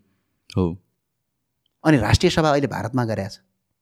भारतको राष्ट्रिय सभामा जातका आधारमा ल्याउँदैन नि त फेरि। जस्तै जया बच्चन त्यहाँको सांसद हुनुहुन्छ। एकपटक अमिताभ बच्चन पनि हुनुभयो जस्तो लाग्छ मलाई। छन् नि उनीहरू सांसद छन् नि। त्यो राष्ट्रिय सभाको। राज्यसभा भन्छ क्या त्यहाँ। त्यहाँ चाहिँ फिल्ड छुट्याइदिएको छ कि हाम्रो राष्ट्रिय सभामा पनि त्यही गर्नुपर्ने हो नि। तर हाम्रो राष्ट्रिय सभा के छ जातका त गुरुङ भइस र सांसद पाइस् त दलित भएर सांसद पाइस्। होइन यसो भने ए गणतन्त्र विरोधी हुन्छ। हामी सबैले सांसद हुन पाउनुपर्छ भन्छ। अनि तपाईँ सम्झिनुहोस् न एकछिन लाइसेन्स नभएको र गाडी नचलाएको। मान्छेले गाडी चलाउने सिटमा राख्यो भने त्यो गाडी एक्सिडेन्ट हुन्छ कि हुँदैन। जसलाई सांसद बन्न पर्ने क्वा क्यापासिटी के हो? क्षमता के हो? सांसद बन्ने र क्ष- क्षमता क्षमता दुईवटा हो। एउटा क्षमता के हो? जनताबाट निर्वाचित गुन्डै भए पनि फटा भए पनि जनताबाट निर्वाचित भयो भने त्यसको क्वालिटी बन्यो।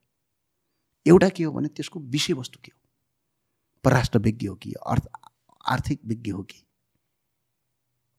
सिने जगतको विज्ञ हो कि साहित्यकार हो कि त्यो सांसद हुँदाखेरि त्यो सांसदले चाहिँ देशलाई के फाइदा दिन सक्छ? त्यसका आधारमा ल्याउनु पर्ने हो नि। तर हामी कहाँ त्यसरी आउँछन्? हामी कहाँ त नेताको नजिकको छ त्यो जातका आधारमा सांसद टुङ्ग्याउँछौँ। अनि जातका आधारमा सांसद टुङ्ग्या चाहिँ क्वालिटी आउँदैन। क्वालिटी। नआएपछि त लाइसेन्स प्राप्त नभएको ड्राइभरले जसरी गाडी एक्सिडेन्ट चलाउँछ त्यसरी देश एक्सिडेन्ट भयो। एकचोटि यो इकोनोमीको पनि कुरा गरौँ। तपाईँको फिल्ड अफ इन्ट्रेस्ट पनि हो पहिला इन्भल्भ पनि हुनुभएको। हाम्रो जुन इकोनोमी अहिले छ स्टेट यो this is one the worst स्टेटमा छ। कतिजनालाई थाहा होला कतिजनालाई थाहा नहोला। थाहा नभए पनि कसैलाई मतलबै हुँदैन नेपाल मतलब न सो यो मलाई छक्क लाग्ने कुरा पनि यो। इफ इमिडिएटली मलाई एफेक्ट भएको छैन भने फ्युचरको बारेमा नसोच्ने कि जुन एउटा कस्तो छ। छ कस्तो छ भने जस्तो हाम्रो शिक्षा नीति कस्तो दोष हो यसमा? तपाईँलाई एउटा नाम सोध्छु तपाईँलाई थाहा छ? गुरु वेद व्यास भन्ने नाम थाहा छ? वेद व्यास तपाईँलाई कसले थाहा भएको नाम बचाउ भन्दा हेर तपाईँलाई कसले भनेको नाम बुकमा पढे जस्तो लाग्यो मलाई बुकमा काहीँ पनि छैन गुरु वेदको बारेमा हो र? तपाईँ हामीले पढ्ने कुनै पनि किताबमा छैन त्यो बेलाको अँ छैन कस्तो थाहा पाएको त्यसो? तपाईँको बुवा आमा कोही छिमेकीले यसो तपाईँ ऊ पढ्नुहुन्थ्यो स्वस्थानी अब- पढ्थेँ टिभीहरूमा पनि होला सिरियलहरू यता। त्यसरी देखायो गुरु वेद व्यासले महाभारत लेखेको थाहा छ मह्म। महाभारत र गीता संसारको सबभन्दा उत्कृष्ट विश्वकै ओल्डकै तर त्यो नेपालीले लेखेको थाहा छ हजुरलाई वेद लेखेको थाहा छ हजुरलाई वेद। वेद पनि उहाँले लेखेको वेदलाई संसारको उत्कृष्ट किताबभित्र मान्छ थाहा छ। एक नम्बरमा पर्छ ओल्डकै नेपाली लेखेको? नेपाली लेखेको नि गुरु वेद व्यासले लेखेको तर यो कुरा तपाईँ र मैले भन्दा हामी छक्क पर्छौँ क्या। इन्डियन होइन? होइन नि नेपालको तनहुँ जिल्लाको गुरु वेद व्यास व्यास नगरपालिका अब हामी छक्क पर्छौँ। किन? हामीलाई त्यो किताबमा कहीँ पनि पढाइएन हामीलाई के पढाइयो सेक्सपियर चाहिँ संसारकै खतरा मान्छे हो भनेर पढाइयो अनि गुरु वेद व्यासको बारेमा पढाइ गरेन। अनि पृथ्वीनारायण शाहको बारेमा पढाइ गरेन। हामीले त पढ्न पायौँ अलिकति भाग्य बेलामा त थियो। हाम्रो बेलामा अहिले छैन, अरे। जसले नेपाल बनायो त्यसको बारेमा पढाइ छैन। अनि प्रचण्डको बारेमा पढाइ हुन्छ। छ। त स्वतन्त्र सेनानी भन्छ होइन। अब अब त्यसपछि ल प्रचण्ड त नेपाली हुन् र तिनको बारेमा पढाइ पनि हुनुपर्छ भन्छु। तर अब्राहम लिङ्कनको बारेमा पढाइ हुन्छ फेरि। होइन? अनि बाराक ओबामाको बारेमा पढाइ हुन्छ। तर नेपालमा पृथ्वीनारायण शाहको बारेमा पढाइ हुँदैन। अनि नेपालका नेपालमा भएको कुनै पनि नेपालको चिज बारेमा पढाइ नै हुँदैन। विदेशी चिज नै सबभन्दा ठुलो हो। सबभन्दा महत्त्वपूर्ण विदेशी हो। नेपाली चाहिँ काम नभएको गयो गुर्जेको भनेर हामीलाई कोर्समा पढाइ गराउँछ। अनि नेपाली बोल्यो भने धेरै स्कुलले फाइन हान्छन्। थाहा छ तपाईँलाई अहिले तर यो त ब्रिटिस एजुकेसन हो नि त हामीहरूको त। British education. History I mean like ब्रिटिसले नि लेखे हिस्ट्री भयो नि त पढ्ने त। हो, अनि त्यो हामीले पढ्दै गएपछि के हुन्छ देशप्रति माया हुँदैन। उम्, हामी त नेपालमा जन्मिनु नै हामी शराब हो कि क्या भनेर पहिलो दिमागमा त्यही सोध्छौँ कि। हुँदै गएपछि देशप्रति प्रेम हुँदैन। हाम्रो बेलासम्म त्यस्तो थिएन। कति कुराहरू त पढ्थ्यौँ हामीहरू धेरै अहिले। छैन नि। त्यही भएर अहिलेको युवाहरू सबभन्दा बढी विदेश जान खोज्ने हुँ। कारण नै त्यही हो। जे पनि विदेश भनेर सिकाएको छ। अनि हाम्रो कोर्स नै हाम्रो पाठ्यक्रम नै खराब छ। जस्तै उदाहरणका लागि तपाईँलाई एउटा भन्छु भयो। तपाईँलाई जस्तै नैतिक शिक्षा पढाइ गर्थ्यौँ हामीले। संस्कृत पढाइ गर्थ्यौँ। संस्कृत भनेको के हो? यो देशको नैतिकता हो। संस्कृत भनेको कुनै वेद होइन। नैतिक शिक्षा भन्ने हुन्छ। आज नैतिक शिक्षा छैन। अनि हामीले पढ्ने अहिले शिक्षा कुन थाहा छ? तपाईँले एउटा फिल्म हेर्नुभएको छ? भगत सिंह भन्ने फिल्म हेर्नुभएको छ? अलिअलि। त्यसको सुरुको एउटा सिन याद छ। सुरुको म तपाईँलाई दिलाइदिन्छु त्यहाँ अजय देवगन हुनुहुन्छ हिरो। अनि एकजना टाई र सुट लगाएको टक्क एकजना मान्छे छ। त्यो मान्छेले चाहिँ अलि इन्डियन टाई सुट लगाएको अङ्ग्रेजी बोल्ने भटटटट पारेर। अनि उसले चाहिँ होइन अनि उसले चाहिँ ए अङ्ग्रेजको यो मान्छे खतरा हलानो मान्छे खतरा सब पढाइरहेको हुन्छ। अनि भगत सिंह त्यो अजय देवगनभित्र छिर्छन् अनि अजय देवगनले भन्छन् उसलाई फलानालाई जान्छस्? फलानुको ल भन् भन्छन्। त्यसले केही पनि जान्दैन कि भारतका ती चर्चित मान्छे हुन्छन् क्या भारतवर्षका। हो यही चिज गलत हो। एन्ड ब्रिटिसले हामीलाई दास बनाउनका लागि आफ्नो चिज सबै राम्रो हाम्रो सबै खराब भनेर पढाए। यो शिक्षा नै गलत छ। यसलाई परिवर्तन गर्नुपर्छ भनेर रविन्द्रनाथ टेगोरले चाहिँ पुरै परिवर्तनको यात्रा थालेका थिए महात्मा गान्धी सँगसँगै। शिक्षालाई परिवर्तन गर्नुपर्छ भने। हाम्रो देश आज ठ्याक्कै त्यही हो। जस्तै त्यो भारतमा त्यो शिक्षा कसले ल्यायो? अङ्ग्रेजको शिक्षाविद म्याक उरे म्याकोली भन्ने छ। म्याकोली भन्ने एउटा शिक्षाविद थियो अङ्ग्रेजमा। अनि भारतलाई कसरी दास बनाउन सकिन्छ भने चाहिँ भारतमा जति पढ्ने जाने त्यति फन्टस बनाउने। जति डिग्री हासिल गर्यो त्यति तपाईँको बेरोजगारी बनाउने। त्यो किसिमको शिक्षा भारतमा लागू गर्ने।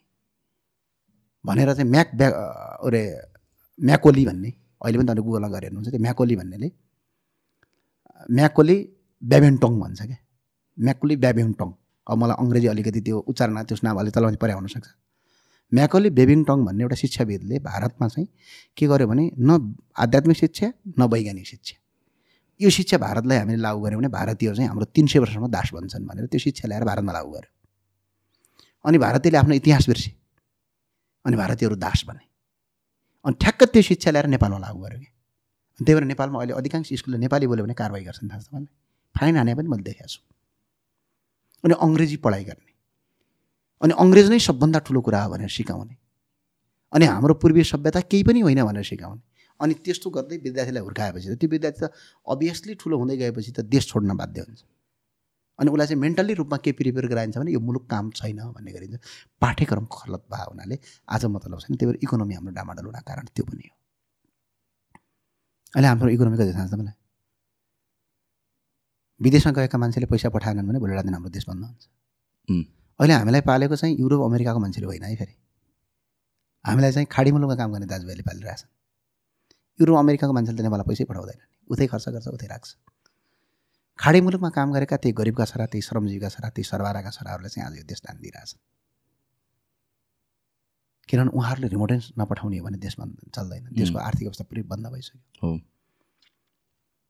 किनभने हामीले विदेशीबाट सामान मात्र किन्छौँ। तर हाम्रो सामान विदेश बिक्री हुँदैन। मैले आज ढडेलोको तेल उत्पादन गरेको छु। नेपालगञ्जमा छ आज मेरो। त्यही ढटेलोको तेल अहिले पनि तपाईँको इजरायलबाट र विभिन्न देशबाट नेपालले आयात गर्छ।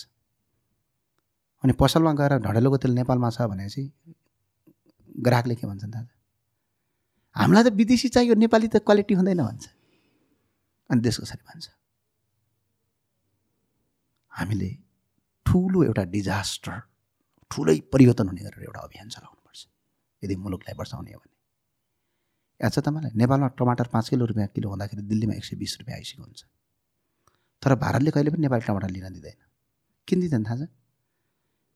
नेपाली टमाटर लग्यो भने त भारतीय। व्यापारीहरूले नेपालबाट टमाटर लिन सक्छन्। नेपालबाट टमाटर लग्यो भने उनीहरूको व्यापार बन्द हुन्छ नि दिँदैन।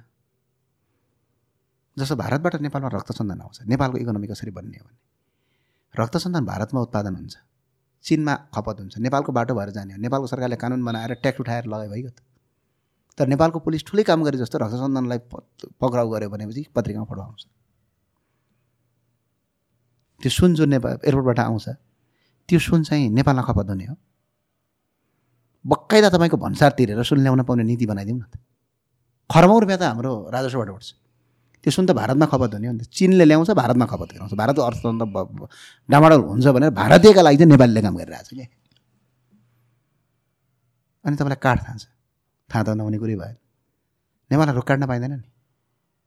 रुख काट्यो भने एनजिओहरू चौ चौ चौ चौ चौ गरेर आउँछन्। अनि पत्रिकाले रुख काट्नु हुँदैन भनेर लेख्छन्। किन थाहा छ? अमेरिकाले रुख काटेर अरबौँ रुपियाँ कमाउँछ।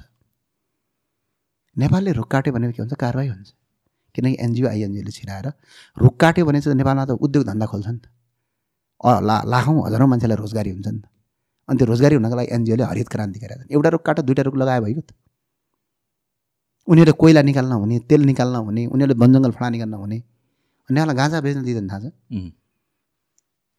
रक्सी खान दिन्छ फेरि गाँजा बेच्न दिँदैन। गाँजाभन्दा रक्सी खतरा हो थाहा छ किन गाँजा बेच्यो भने त त्यो औषधि हो मेडिसिन हो। नेपालीहरू पर आत्मनिर्भर हुन्छन्। आत्मनिर्भर भयो भने त नेपालीहरू बेरोजगार नहुने भयो नि त त्यो गर्छ। यो गाँजाको कुरामा चाहिँ के छ? अहिले संसदमा. विधेयक आउँदैछ। म त यो विधेयक पारित गर्नुपर्छ भन्ने लाइनमा छु तर त्यसका केही प्रावधानहरू हुन्छन्। जस्तो कस्तो प्रावधान हुन्छ भने गाँजा चाहिँ के के चिजका लागि प्रयोग गर्ने त्यो चाहिँ अलिकति टाइट गर्नुपर्छ। जस्तो कि? जस्तो चरेस बनाउन दिनुहुन्न त्यसको।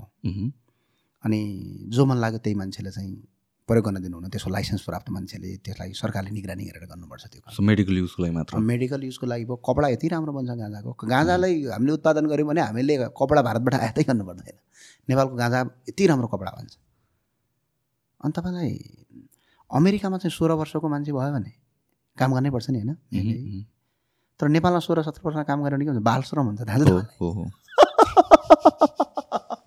अनि एनजिओले नेपालमा कानुन बनाइदिएका छन् क्या। जसरी पनि नेपालीलाई परजीवी बनाउने होइन? अनि ल भन अमेरिका चाहिँ सोह्र वर्ष भइसकेपछि के गर्नुपर्छ? आफै काम गर्नुपर्ने कानुन छ नि होइन? अस्ट्रेलिया पनि धेरै रहेछ। छ। नेपालमा चाहिँ काम गऱ्यो भने बाल श्रम हुन्छ फेरि होइन? नेपाल कुनै जमानामा नेपाल चाहिँ विश्वको सबभन्दा बढी पस्मिना आयात गर्ने निर्यात गर्ने देश हो। हो। त्यतिखेर एउटा मानवाधिकार आएको व्यक्तिको नाम चाहिँ नतकु म चाहिँ चिन्छु व्यक्तिगत रूपमा। ती मान्छेलाई चाहिँ विदेशीले ठुलो पैसा दियो। नेपालका चाहिँ उद्योग खत्तम गर्नका लागि चाहिँ बाल श्रम भनेर चाहिँ मान्छेलाई काम गर्न दिनु हुँदैन। ल तपाईँले पिएचडी गर्नुभयो मैले पिएचडी गरेँ होला अथवा मैले गरिनँ होला अर्कै मान्छेले पिएचडी गरे मान्छेले के गर्छ त जीवनमा? गलैँचा बुन्ने मान्छेले बच्चादेखि गलैँचा बुन्न सिक्यो भने कालान्तरमा त्यो व्यापारी भन्छ ठुलो व्यापारी भन्छ किनभने त्यसले त्यो सिप सिक्छ। सिप सिक्नु भनेको शरम होइन नि त। उदाहरणका लागि हिरारत्न मानन्दर भन्ने नेपालमा हिरारत्न महर्जन भन्ने हुनुहुन्छ नेपालमा तपाईँले नाम सुन्नुभएको छ। हिरारत्न महर्जन हो हिरारत्न श्रेष्ठ हो हिरारत्न श्रेष्ठ मेरो हिसाबमा नेपालको सबभन्दा ठुलो हिराको कारोबारी हो। उहाँ कुनै जमानामा नेपालमा हिरा बेच्ने व्यापारीको घरमा काम गर्नुहुन्थ्यो। उहाँले खाना बनाउने काम गर्नुहुन्थ्यो। तर उहाँले कालान्तरमा त्यो कुरा सिक्दै सिक्दै गएपछि अहिले नेपालको हिरा व्यापार सङ्घको अध्यक्ष नै हुनुहुन्छ जस्तो लाग्छ मलाई। सबभन्दा ठुलो हिरा व्यापारी हो। अमेरिकामा चाहिँ धेरै मान्छेले पिएचडी गर्दैन। उनीहरूले चाहिँ के गर्छन्? काम सिक्छन्। हाम्रो उत्तरको चिनमा पनि पिएचडी गरे मान्छे भेटाउन मुस्किल पर्छ। तर हाम्रो घरमा एक घर एउटा पिएचडी भेटिन्छ। सम्भवतः एउटै घरभित्र दुई तिनजना पिएचडीवाला पनि हुन्छ किनभने सबभन्दा काम गर्ने उमेर भनेको चौध वर्षदेखि लगेर पच्चिस वर्षको उमेर हो। जस्तै अहिले हामीले फेसबुक चलाउँछौँ।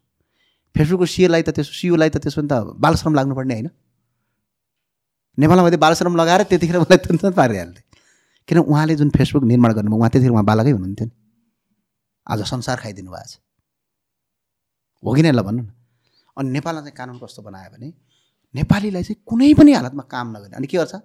आमा भनेर घर फोन गर्छ। कति वर्षको हुनुभयो तपाईँ? भन्दा म सत्ताइस वर्षको भएँ आमा भन्छ। के गर्दैछौ भने किर्तिपुरमा डेरा लिएर विश्वविद्यालयमा डिग्री गर्दैछु भन्छ। केही काम गर्दैन। अनि पिएडी डिग्री सिग्री गरेर जान्छ। त्यो किताबमा पढेका आधारमा त केही पनि काम छैन। औला भन्नु तपाईँ हामीले किताबमा पढेका चिज मेरो दैनिक जीवनमा कहाँ काम लाग्छ? कहीँ पनि काम लाग्दैन।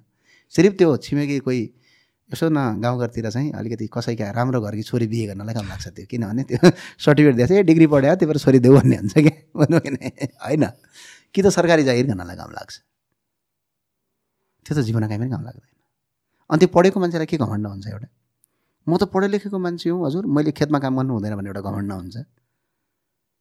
अनि पढे लेखेका आधारमा उसले यदि जीवनमा काम गर्न थाल्यो भने त्यसले केही पनि काम गर्दैन। अनि त्यो के हुन्छ? देश प्रत्येक दिन फेलिएर हुन्छ अनि अमेरिकामा चाहिँ पच्चिस छब्बिस सत्ताइस वर्षको मान्छे चाहिँ एउटा व्यापारी बनिसकेका हुन्छ। उसले आफूले पनि काम गर्छ र आफू लगायतका सय डेढ सयजनालाई रोजगारी दिइसकेका हुन्छ। तर हाम्रो देशमा पच्चिस वर्षसम्म विश्वविद्यालयमा जाने डिग्री पढ्ने पढेपछि केही पनि नहुने फेरि ढुङ्गा हान्ने फेरि। आन्दोलन गर्ने त्यही समूह हुन्छ थाहा छ। यो देशको सडकमा टायर बाल्ने को हुन्छ विद्यार्थी हुन्छ होइन। गाउँको किसानले टायर बारे कहिले देख्नु भएको छ? तपाईँले सुन्नु भएको छ कि? कसैको सरकारी गाडी जलाएको किसानले मजदुरले जलायो भने सुन्नुभएको छ? तर विद्यार्थीले जलाउँछ। किनकि उसले पढाइभन्दा पनि अराजकता सिक्छ।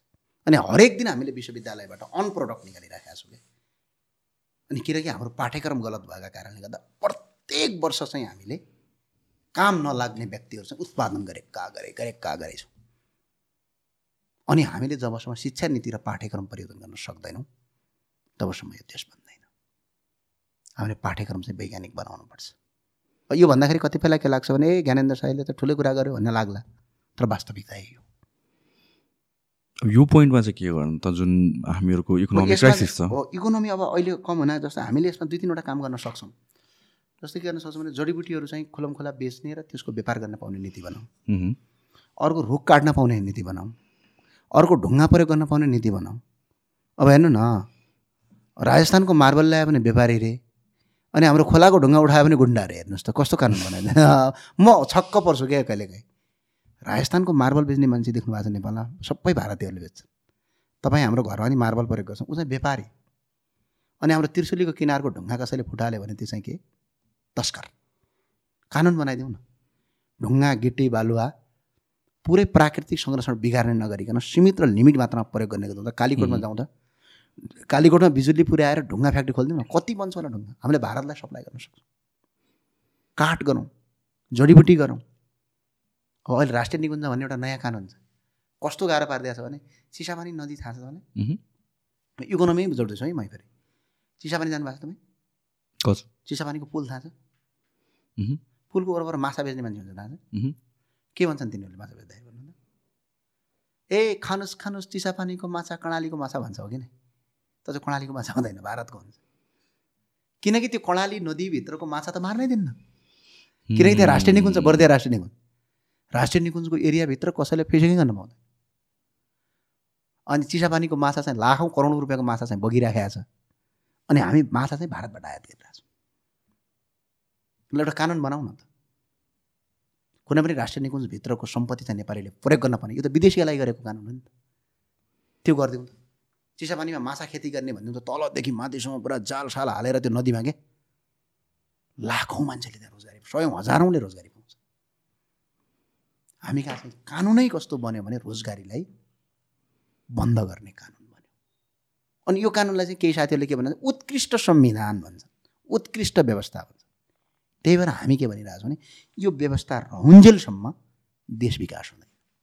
यो चाहिँ माग्नका लागि बनाइएको र नेपालीलाई भिखारी बनाउन लागेको ल्याएको व्यवस्था हो। यदि कसैले यो व्यवस्था ठिक छ भनेपछि सिर्फ त्यसले स्वार्थका लागि ठिक छ भनेको छ। अनि के भन्छन् ए यो व्यवस्था ठिक किन छ? भने जनताको छोरो राष्ट्रपति भयो। जनताको छोरो राष्ट्रपति भएर के हुने हो? म आज ज्ञानेन्द्र साई सांसद छु। हिजो मेरो ठाउँमा हाम्रो सांसद अर्को एकजना ऊ हुनुहुन्थ्यो। हाम्रो के अरे जय हाम्रो अङ्गद महत हुनुहुन्थ्यो। जुम्लाबाट के? चौहत्तरमा। अब मैले पनि काम गर्न नसक्ने उहाँले पनि गर्न नसक्ने भने हामी दुईजना भएको फरक के फरक पऱ्यो? किनकि यो व्यवस्था त त्यही। यहाँ चाहिँ के हो भने हामी सबै सांसद हुन पायौँ अरे हामी मन्त्री हुन पायौँ अरे त्यही भएर व्यवस्था ठिक यस्तो नि कुरा हुन्छ। मैले एकजना माओवादीका ठुला नेतालाई सोधेको थिएँ। यो व्यवस्था ठिक चाहिँ तपाईँले किन भन्नुभयो भन्दाखेरि मलाई के भन्नुभयो भने म चाहिँ यो व्यवस्था नभइदिया भइदिया भए चाहिँ म चाहिँ धेरै ठुलो भए प्राविको मास्टर हुन्थेँ। तर यो व्यवस्था भएका कारणले गर्दा म आज गाउँपालिका अध्यक्ष हुन पाएँ भन्नुभयो क्या। भनेपछि परिवर्तन त्यही हो त। परिवर्तन त जनताको जीवनमा आउने। आज हामी आर्थिक ऋणले पार्दैछौँ दुई हजार चौहत्तर सालमा तपाईँलाई थाहा छ हाम्रो वैदेशिक ऋण आठ खर्ब थियो। हाम्रो सार्वजनिक ऋण। दुई हजार अहिले असी साल आइपुग्दा छ सात वर्षको पिरियडमा हामी तेइस खर्बमा आइरहेका छौँ। देशको आर्थिक बजेट सत्र खर्ब छ। व्यापार हाम्रो वैदेशिक तेइस खर्ब छ। व्यापार घाटा हाम्रो पन्ध्र खरब छ। अनि देश कसरी चल्छ? सिर्फ अहिले हाम्रो देश टिकेको रेमिटान्सले विदेशमा काम गर्ने खाडी मुलुकमा अरबमा काम गर्ने दाजुभाइले म नेपाल पैसा पठाउँदैन भनेर यदि कम्मर कस्यो भने दुई दिनपछि व्यवस्था ढल्छ। जुन यो सिस्टम हामीहरू अहिले आएर यो सबै कुरा गऱ्यो हामीले ओभरअल होइन? यो जुन पोजिसनमा हामी अड्केको छौँ यो जियो पोलिटिकल प्लेग्राउन्ड भएको हिसाबले हेर्नुहुन्छ तपाईँ? हामीलाई प्ले गरिराखेको छ। तर प्ले गरेको हामीलाई पनि थाहा छैन। किनभने प्ले किन गरिरहेछ भने जस्तो नेपाल विकसित भयो भने त नेपाल विकास भयो भने सबभन्दा बढी घाटा हुने युरोपियन युनियनलाई नेपालमा स्थायित्व भयो भने युरोपियन युनियनलाई जस्तै। उदाहरणका लागि तपाईँलाई जस्तो नेपालमा चाहिँ धर्मान्तरण किन गरिरहेछन् यिनी भनेपछि जस्तो तपाईँलाई कतिको याद छ? बेलायतमा भएका क्रिस्चियनहरू नेपाल घुम्न आएको बेला दसैँ भयो भने टिका लगाएर नाच्छन् है। तर नेपाली क्रिस्चियनहरू चाहिँ दसैँमा टिका लाउँदैन किन उनीहरूको मेन्टालिटी के बनाइदिएछ भने तिमी चाहिँ नेपालका विरुद्धमा आउनुपर्छ धर्म यदि नराम्रो भइदिएको भए बेलायतबाट घुम्न नेपाल आएको क्रिस्चियनलाई चाहिँ टिका लाउँदाखेरि चाहिँ उसको पर्व नरिसाउने। होइन? ऊ पहिला हिन्दू थियो। अहिले सीमित स्वार्थका लागि चाहिँ धर्मान्तरण गरेर क्रिस्चियन भन्यो तर उसले टिका लाउँदाखेरि उसका पर्व रिसाउने भन्ने हुन्छ। भगवान् त एउटै होइन र। यो किन गरिराखेको छ भने जस्तो भोलि सेल्टर खोज्नका लागि। जस्तै उदाहरणका लागि तपाईँ यहाँबाट जानुभयो बेलायतमा अलपत्र पर्नुभयो। बेलायतमा अलपत्र पर्नुभयो भने दसैँ आयो भने तपाईँको वरिपरि कोही नेपाली छैन भारतीय कोही छ भने हिन्दू धर्म मान्ने त्यो तपाईँको सबभन्दा प्यारो हुन्छ क्या तपाईँलाई। अभियसली हुन्छ नि। अनि दुईजना दाजुभाइ सँगै मन्दिर जानुहुन्छ सँगै दसैँ मान्नुहुन्छ अनि तिहारको बेला पनि तपाईँ ऊ भारतीय भए पनि तपाईँलाई के गर्छ? ए भाइ लोक हामी दसैँ मानौँ भन्छ तपाईँलाई यता दसैँ मानौँ भन्छ घरमा एउटा सम्बन्ध राम्रो हुन्छ। यो देश पुरै क्रिस्चियनिटी गर्ने हो भने भोलि अमेरिकन सेना आउँदाखेरि उनीहरूलाई सेल्टरका लागि परेको हुन्छ। उनीहरूको त धर्म एउटै हुन्छ नि त। उनीहरूको त आस्था एउटै हुन्छ अनि उनीहरूले तिनीहरूलाई सेल्टर दिन्छन् बस त्यति हो। मैले त एक दिन कतिसम्म सुनेको छु भने म धर्मको विरोधी होइन। नयाँ वर्ष कसको हिन्दूको हो? बुद्धिस्टको हो? किराँतको यो नेपालीको नयाँ वर्ष हो कि होइन? गोदावरीमा एउटा चर्चबाट पढाइएको एउटा सानो एउटा होस्टेल छ गोदावरीमा तपाईँ। म त्यहाँ भोजमा गएको थिएँ। सानसानो नाना बा बालिकाहरू चाहिँ बाहिर उभिएर नयाँ वर्षको दिनमा त गोदावरीमा तपाईँलाई याद छ कि छैन? गोदावरीमा नयाँ वर्षको दिनमा पिकनिक लाग्छ क्या। सबै मान्छे त्यहाँ गोदावरीको चौरमा पिकनिक खान जान्छन्। हामी पनि गएको थियौँ।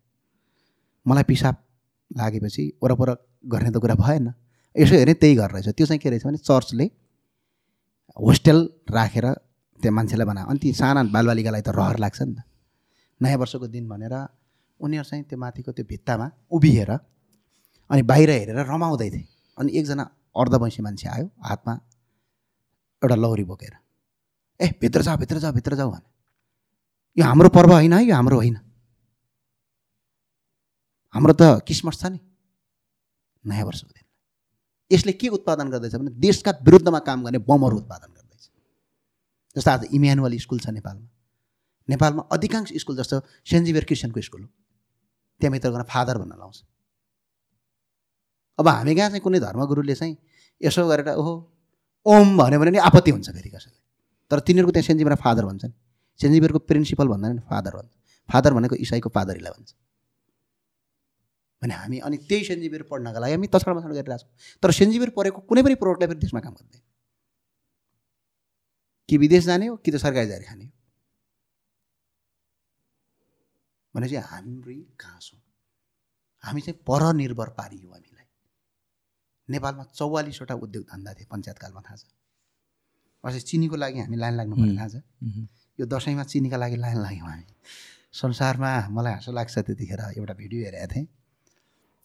तत्कालीन त्यतिखेर भारतमा उन्नाइस सय एकानब्बेभन्दा अगाडि भारतमा चिनीको सर्टेज भयो। नेपालले भारतलाई चिनी सप्लाई गर्थ्यो।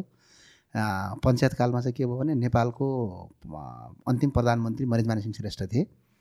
मरिजमान सिंह श्रेष्ठ नेवारको छोरो। जनजातिको छोरो चाहिँ पञ्चायतकालमै पाबन्दी थियो अहिलेसम्म जनजातिको छोरो देशमा पाबन्दी भएको छैन। फेरि नारा चाहिँ यिनले जनजातिकै लाउँछन् फेरि।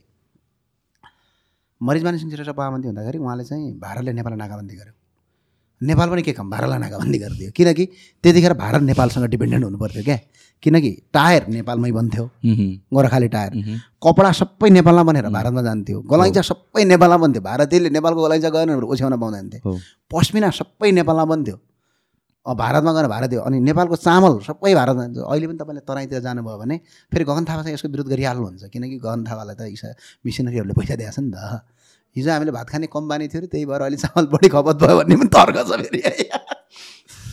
अहिले तराईमा तपाईँले जानुभयो भने पुरानो जङ्गलभित्र एउटा बिल्डिङ देख्नुहुन्छ। रातो अक्षरले लेख अहिले पनि बिल्डिङ छन्। जस्तो अहिले पश्चिम कञ्चनपुरमा तपाईँ हेटौडामा त्यसपछि झापामा जानुभयो भने भित्र जङ्गलका बिचमा क्या। धान चामल निर्यात कम्पनी भन्ने हुन्छ अहिले गुगल लगाएर खोजे भेटिन्छ त्यो किन खोलेको थाहा छ? भारत र अन्य मुलुकलाई नेपालले चामल बेच्थ्यो क्या अनि त्यसका लागि कम्पनी खोल्नु परेको थियो कि सरकारले। अनि वीरगन्जको चिनी मिल एसियाको सबभन्दा ठुलो चिनी मिल हो। अनि लोकेन्द्र बहादुर चन्दले चिनी मिल बनाउनु भएको थियो माओवादीले बन्द गराए जुन लम्की चुहामा थियो। नेपालमा चाहिँ वीरगन्ज चिनी मिल त्यहाँको चिनी मिल चिनी मिल चिनी मिल थियो। भारतको उकु सबै नेपालमा आएर चिनी भनेर भारत जान्थ्यो। अनि नेपालले ठ्याप्प नाकाबन्दी गरेपछि भारतमा अहिले जसरी नेपालमा चिनीका लागि हामी लाइन लागेका छौँ नि भारतमा पनि त्यतिखेर तिहार के परेको थियो। भारतीयहरू चिनी नपाएर लाइन लागेर चाहिँ चिनी चाहिँ क्युबाबाट ल्याएको थियो क्या भारतले। आज ठ्याक्क हाम्रो उल्टो दिन। अझ फेरि के भन्छ यो व्यवस्था ठिक हो भनेर फेरि नयाँ आएका जोगीहरू पनि उफ्रिराखेका छ के आधारले यो व्यवस्था ठिक हो? यदि यो व्यवस्था ठिक हो भने आज गाउँका हरेक मान्छे चाहिँ दुबईमा बेलचा हान्न किन गइरहेछ? यदि यो व्यवस्था ठिक हो भने आज इन्जिनियरहरू देश छोडेर किन गइरहेछ? यो व्यवस्था ठिक हो भने आज हजारौँ नर्सहरू चाहिँ यो देश छोडेर किन गइरहेछ यो व्यवस्था यदि ठिक हो भने बाह्र हजारभन्दा बढी सुरक्षाकर्मी एक वर्षमा जाहिर छोड्छन्। किन छोडिरहेछ यो व्यवस्था सिर्फ आठ सय चौरासीजना सांसद र छत्तिस हजार जनप्रतिनिधि तिनका आश्रय पार्टीलाई मात्र ठिक छ। जनताका लागि ठिक छैन। त्यही भएर हामी व्यवस्था परिवर्तन गर्नु भनेको रुखमा किरा लाग्यो भने जरा काट्ने हो टुप्पा काटेर हुँदैन त्यही भएर नयाँ आएका साथीहरूलाई त हामी भन्छौँ हाम्रो व्यवस्था विरोधीको आन्दोलनमा सहभागी हुनुहोस्। के हुने हो? चौरासीमा ज्ञानेन्द्र साईले चुनाव जित्दै नजित्दै केही फरक पर्छ? ल अहिले रापरवाले चौध सिट ल्याएछ। चौरासीमा हामी ल चालिस सिट ल्याउँ तर हामीले विकास गर्ने व्यवस्थै परिवर्तन गर्न सकेनौँ सिस्टमै बसाल्न सकेनौँ भने अनि के हुन्छ? झुन्ड्यो राम हुँदैन। के फरक पर्छ? ल फरक के पर्यो? हिजो केही फरक पर्छ? त्यो व्यवस्था र अवस्था दुइटै पर्यो जनताबाट प्रत्यक्ष निर्वाचित कार्यकारी गरौँ। संसारभरिलाई झुकाउन सक्ने राज संस्था स्थापित गरौँ। राजा आस्था हो। ल तपाईँलाई मौरीमा अब यहाँ त के भयो थाहा छ? सबै राजा हुन पाउनुपर्छ भन्छ क्या फेरि यो कुरा गऱ्यो भने। ए पुरानो सोच पुरातनवादी सोच भन्छ। पुरातनवादी सोच भने घर आफ्नो बाउलाई बिर्सिनुपर्छ। ल मौरी थाहा छ भन्ने। मौरी कत्रो हुन्छ? सरी माफ गर्नु अब थाहा छ थाहा छ भने मेरो थिएको हो। यत्रो हुन्छ होइन? मौरीले म कत्रो बनाउँछ? यत्रो बनाउँछ होइन? किनकि मौरीमा युनाइट छ। मौरीमा एउटा हुन्छ थाहा छ? रानी हुन्छ मौरीमा। तपाईँले रानी भन्नुहुन्छ कि राणा भन्नुहुन्छ? रानी नै हुन्छ। रानी हुन्छ। रानी एउटा हुन्छ। तर त्यो रानी मऱ्यो भने सबै मौरी मर्छन् दाजु रानीले के गर्छ भने युनाइट गर्छ। युनाइट गरेपछि अरूले काम गर्छ। अनि मह भन्छ अनि सबैको जीवन चल्छ। राजा आज त्यही रानी हो। आज राजा भइदिएको भइदिए भए अपराधी यसरी छुट्दैन थिए। यसरी विधिको शासन हुँदैन थियो। यसरी विदेशी ल्याएर तपाईँको देशमा अराजक गर्दैन थिए। अनि एउटा सुशासन कायम हुन्थ्यो। नत्र अस्ट्रेलियाले राजा किन मानिरहेछ त?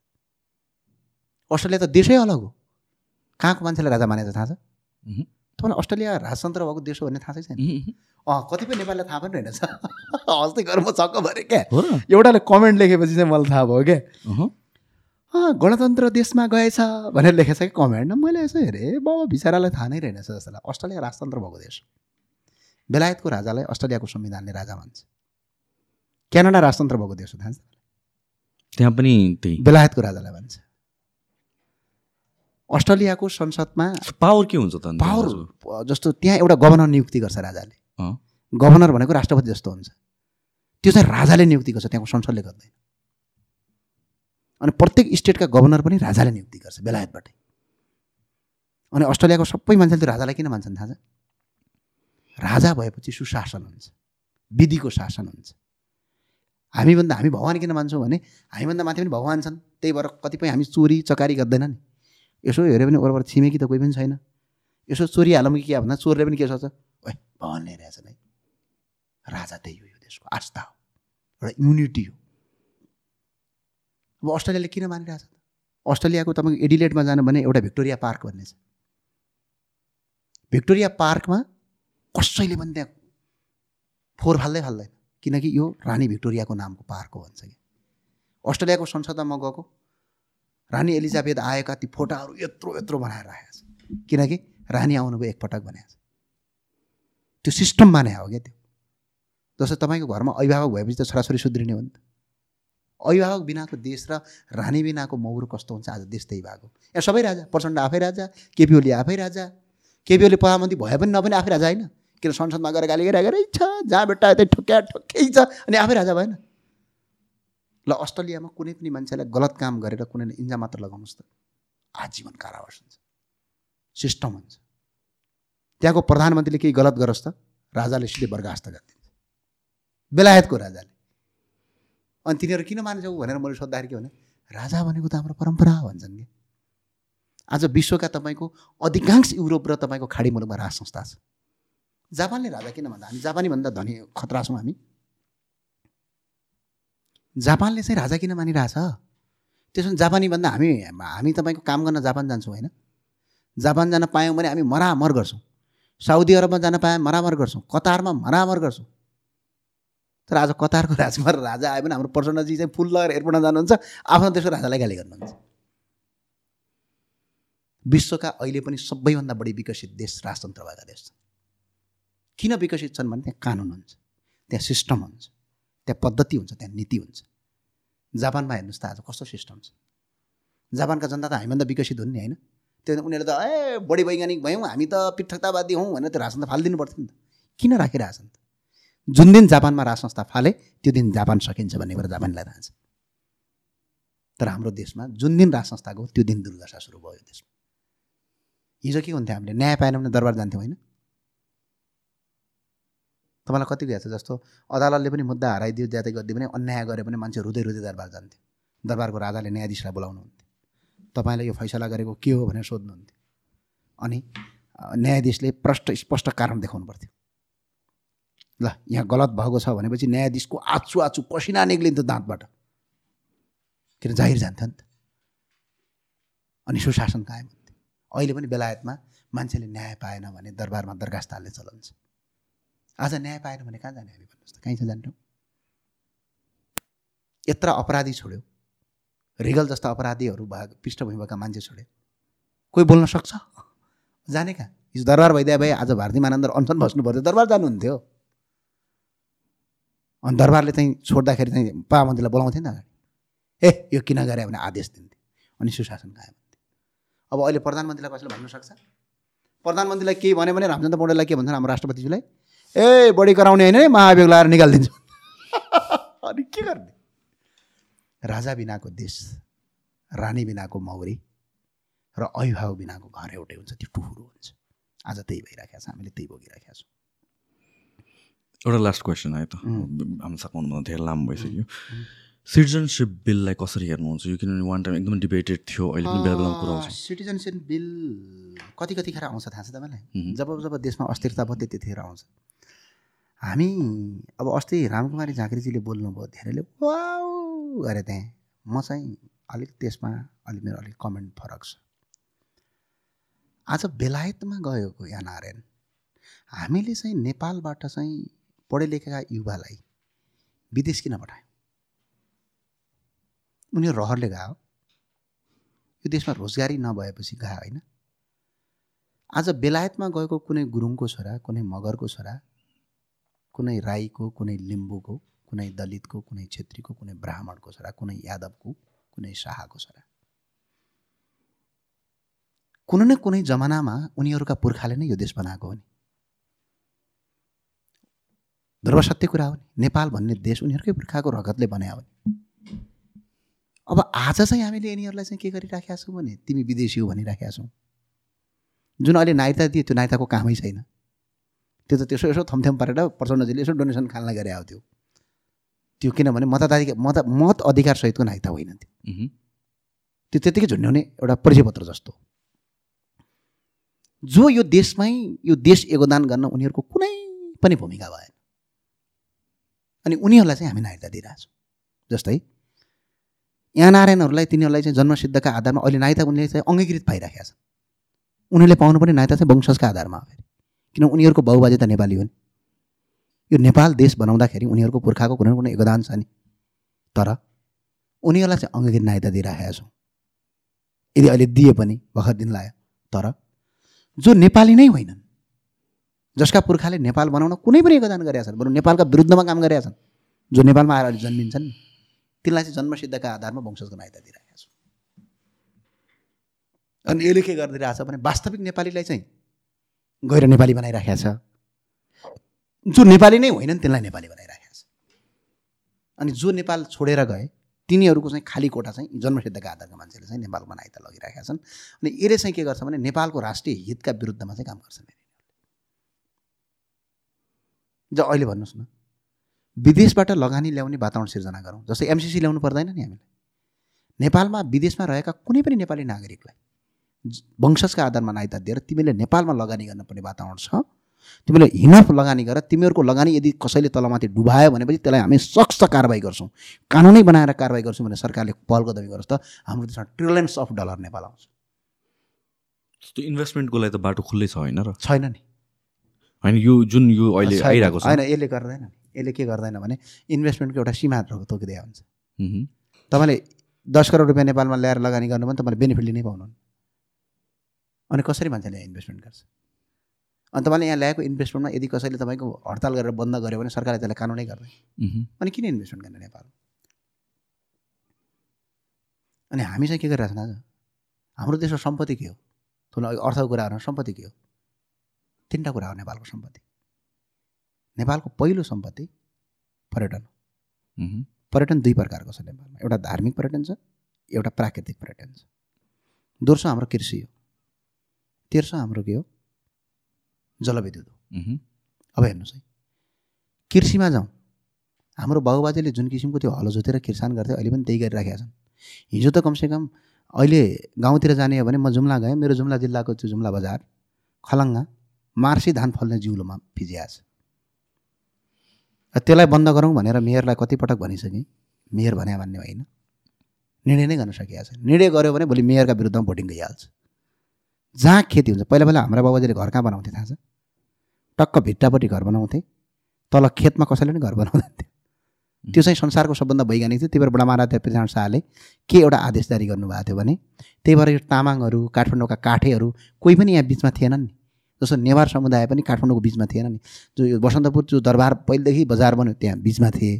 तर जति पनि त्यो नेवार समुदायहरू हेर्नु जस्तो भक्तपुरको माथि माथि अब अहिले पनि त्यहाँ माथि पाटनमा भयो तर ललितपुरका परपर माथि लेलेतिर अनि अहिले पनि पर जाने भनेपछि त्यो कहिले लुबुतिर थिए नि किन थिए भने अब काठमाडौँका जो सिलवालहरू को को काठ जो काठमाडौँका काठहरू छन् ती काठहरू कोही पनि काठमाडौँको बानेश्वर एरियामा थिएनन्। नि किन? बानेश्वरमा खेती हुन्थ्यो क्या। जमिन हो? अनि भित्ता भित्तामा बस्ती बसाल्ने खेत खेतमा तपाईँको धान चामल उत्पादन गर्ने र देशलाई आत्मनिर्भर बनाउने। तर अहिले के छ? गाउँमा सबभन्दा जो बढी पढे लेखेको मान्छे छ त्यसैले खेत भएको ठाउँमा घर हाल्छ त्यो पनि ढलानवाला सिमेन्टवाला। जुन सिमेन्टवाला घरले चाहिँ सय वर्षसम्म हामीले फेरि खेती गर्न सक्दैन।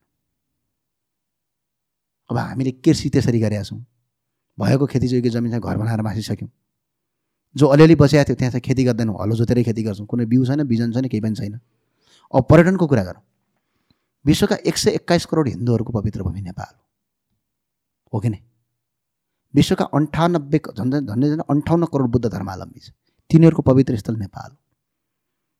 विश्वका सबभन्दा बढी किराँतहरू विश्वभरि छरिएका किराँतहरूको पवित्र स्थल नेपाल अब वैदिक सनातनको राष्ट्र गरेर एकपटक एक महिना के? वर्षमा एक महिना।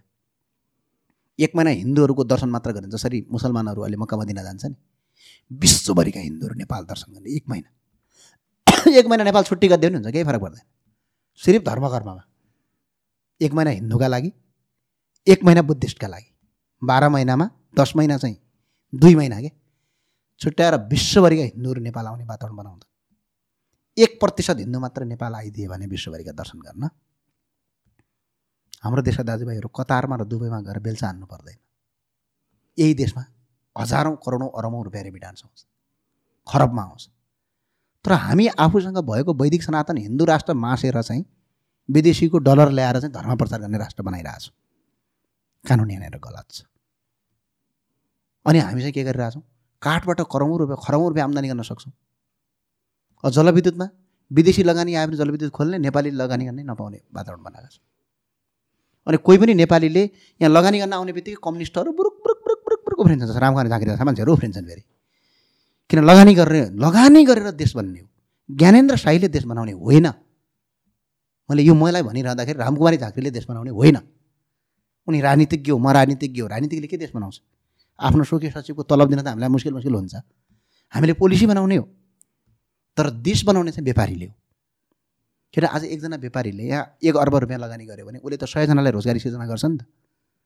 अब विदेशीबाट आएका नेपालीले नेपालमा लगानी गर्यो भने नेपालका कम्युनिस्टको टाउको दुखिहाल्छ फेरि। सबै पैसा विदेश लग्यो भनिदिन्छन्। बाप यहाँ लगानी गरेर नेपालीले लगानी गरेर आज तपाईँको विदेशमा रहेका नेपालीहरू छन् जो अहिले चाहिँ युरोप अमेरिकातिर छरेर बसेका छन् कैयौँको सोच नेपालमा लगानी गर्ने छ तर नेपालमा लगानी मैत्री वातावरणै छैन। अब त्यो लगानी गर्ने बित्तिकै फेरि कम्युनिस्ट उभिहाल्छ। किन कम्युनिस्ट उभिन्छ भने कम्युनिस्टलाई त देश गरिब बनायो भने शासन गर्न पाइन्छ। धनीमा आएर त देश शासन गर्न पाइँदैन नि अनि आज मुलुक बर्बाद हुनुको पछाडिको मुख्य एउटा कारण त्यो पनि छ। हामीले धेरै कुरा चेन्ज गर्न छ त्यसका लागि नेपालको संविधान नै चेन्ज गर्नुपर्छ यो संविधान जो हामीले उत्कृष्ट भनेर दर्जा दिइरहेछौँ यो संविधान विश्वको सबभन्दा काम नलाग्ने संविधान हो। यो नेपालीले बनाएकै संविधान होइन। अल्फाबिटा कम्प्लेक्समा संसद संवाद केन्द्र भनेर युरोपियन युनियनले खोलेको थियो। छ तपाईँलाई? अल्फाबिटा कम्प्लेक्सले गुगल गएर खोज्नु। नेपालमा अहिलेको जस्तो संसद लाइभ हुँदैन थियो। नेपालमा संसदले चाहिँ खिचेर ल्याएर अल्फाबिटा कम्प्लेक्समा आउँथ्यो। अल्फाबिटा कम्प्लेक्स चाहिँ नेपालका टेलिभिजनलाई प्रसारण गर्न दिन्थ्यो। अनि उसले के गर्थ्यो भने उनीहरूको फेभरमा छ भने प्रसारण गर्ने उनीहरूको फेभरमा छ भने रोकिदिने अनि नेपाली जनतालाई थाहै हुँदैन थियो कि संसदमा के के भयो भनेर। अनि उनीहरूले अल्फाबिटा कम्प्लेक्समा बसेर बनाएको संविधानलाई संसारको उत्कृष्ट संविधान भनेर दर्जा जबसम्म नेपालीले दिन्छ तबसम्म नेपालीले दुःख भोग्नुपर्छ। कति थिए? दुई हजार चौसठी सालमा नेपालीहरू कति विदेश गएको थियो? दुई लाख गएको थियो। अहिले कति जान्छ सात लाख गइसक्यो। बढाएको छ रेन्ज ऋण पनि बढाएको छ विदेशी नागरिक पनि बढाएको छ। पैसा कहाँ गएको छ भने कार्यकर्तालाई बाँड्दै ठिक्क छ। अझ केही साथीहरू भन्नुहुन्छ यो व्यवस्था उत्तम हो। हामी व्यक्ति मात्रै परिवर्तन गर्ने ल ज्ञानेन्द्र साई मात्र असल व्यक्ति हो। म होइन नि। म मात्रै हो। अरू कोही छैन। म आज पनि एउटा एमालेको नेता हुनुहुन्छ। मेरो कडाली प्रदेशमा गोरखबहादुर बोगटी भन्ने हुनुहुन्छ। उहाँ बराबर शालीन र उहाँ बराबर भद्र मान्छे त। नेपालको राजनीतिमै छैन। तर उहाँ किन सफल हुनुभएको छैन? उहाँको सिद्धान्तले देखिन किनभने सिस्टम गतिलो नभए भने व्यक्ति सफल हुँदैन। युवराज गेवाली भन्ने नाम सुन्नुभएको छ तपाईँले? एमालेको सबभन्दा शालीन नेता। उहाँ किन सफल हुनुभएको छैन? किन सिस्टम गतिलो छ नि त्यही भएर उहाँ सफल भएको छ सिस्टम खराब व्यवस्था खराब। जनताको प्रजातन्त्र ल्याउने व्यवस्था त जनताबाट निर्वाचित गर्ने जस्तै आज हामीले काठमाडौँ महानगरपालिकाको मेयरले काम गरे भनेर हामी तारिफ पठाउँछौँ। यदि काठमाडौँ महानगरपालिकाको मेयरलाई पूर्ण काम गर्ने अधिकार यदि नेपालको संविधानले नदिएको भए नेपालको कानुनले नदिएको भए उहाँले काम गर्न सक्नुहुन्थेन उही नेपालको प्रधानमन्त्री जस्तो एउटा अध्यक्षले चुन्ने अलिकति चित्त बुझ्ने एउटा मिल्काइदिइहाल्ने त्यस्तो भइदियो हुन्थ्यो हुँदैन थियो। हो सिस्टम। जनताबाट प्रत्यक्ष निर्वाचित कार्यकारी गर्ने। प्रदेश खारेज गर्ने। वैदिक सनातन सहित राष्ट्र घोषणा गर्ने। माथि राष्ट्रपति ठाउँमा राजा राख्ने। यो सिस्टम बनाउँदा। कसैले पनि यहाँ कानुन मिच्दैन कसैले पनि न्याय मिच्दैन सबैले काम गर्ने वातावरण भन्छ किन काम गर्ने तपाईँले आज सरकारी कर्मचारीले तपाईँले फ्याक्ट्री खोल्नुहोस् त। बिचरा तपाईँ फ्याक्ट्री खोल्नु भने त अपराध गर्नु हो देशमा। यति छापा हान्छ कि तपाईँको फ्याक्ट्रीमा होइन? छापा हान्दा हान्दा हान्दा हान्दा हान्दा अनि पत्रिकाले घुस पाएन भने के लेख्छ थाहा छ? पत्रिकाले विज्ञापन पाएन भने त्यो कम्पनी कसरी बन्द गर्ने? डेली त्यही कुरा लेख्छ फेरि। अनि जनता वाउ यो त करप्टेड रहेछ यो कम्पनी भनेर जनता त्यसमा सोधिन्छ क्या? पत्रिका पढ्छ नि त जनताले। त्यो पत्रिकाले हिडन इन्ट्रेस्टमा काम गरेर हुन्छ। जस्तै उदाहरणका लागि युनिटी लाइफ अफ इन्सुरेन्स सक्ने नागरिक भन्ने पत्रिका थियो नेपालमा एउटा। त्यो पत्रिकाका केही पत्रकारलाई चाहिँ पैसा नपाएर त्यो पत्रिका सक्ने कम्पनी सक्ने डेली इलेक्सन फेरि रात दिन त्यही इलेक्सन किनकि विज्ञापन नदिँदासम्म इलेक्सन। अनि कसरी देश बन्छ? यहाँ सबै राजा सबै नेता सबै राजा सबैलाई ऊ अनि देश बन्दैन त्यही भएर सिस्टम परिवर्तन गरौँ व्यवस्था परिवर्तन गरौँ भन्ने हाम्रो लाइन। त्यत्तिकै हामीले कुनै रहर लागेर या गरे होइन राजा ज्ञानेन्द्र शाहसँग मेरो के को सम्बन्ध छ मैले न चुनावमा भेटाएको छु न के भेटाएको केही सम्बन्धै छैन। न म हिजो राजावादी हो। म त जन्मजात राजावादी होइन न मेरो बुवा राजावादी हो। न मेरो बुवाले मेरो परिवारले हिजो राजाका पालामा केही फाइदा लगिदियो भइदियो भए ओहो हिजो राजाका पालामा यसले फाइदा लगाएको थियो त्यही भएर राजा भयो अहिले पनि मेरो जुम्ला गएर सोध्यो हुन्छ मेरो बुवा किर्सान हो। बरु हिजो त्यही राजाका नजिक भएर राजाको स्वार्थ लिनेहरू अहिले चाहिँ माओवादी बनेका छन्। आधा आधा राष्ट्रिय स्वतन्त्र पार्टीमा लागेका छन्। कोही काङ्ग्रेस भइसक्यो। किनभने हामीलाई राज संस्था किन चाहिएको हो भने स्थायित्वको कामका लागि राष्ट्रिय एकताका लागि मुलुकको सुशासनका लागि यो आवश्यकता हो। त्यो व्यक्तिको हुन्छ त्यसले फरक पार्दैन। हामीले यही भन्यौँ। हस् धन्यवाद। हस् थ्याङ्क यू सो मच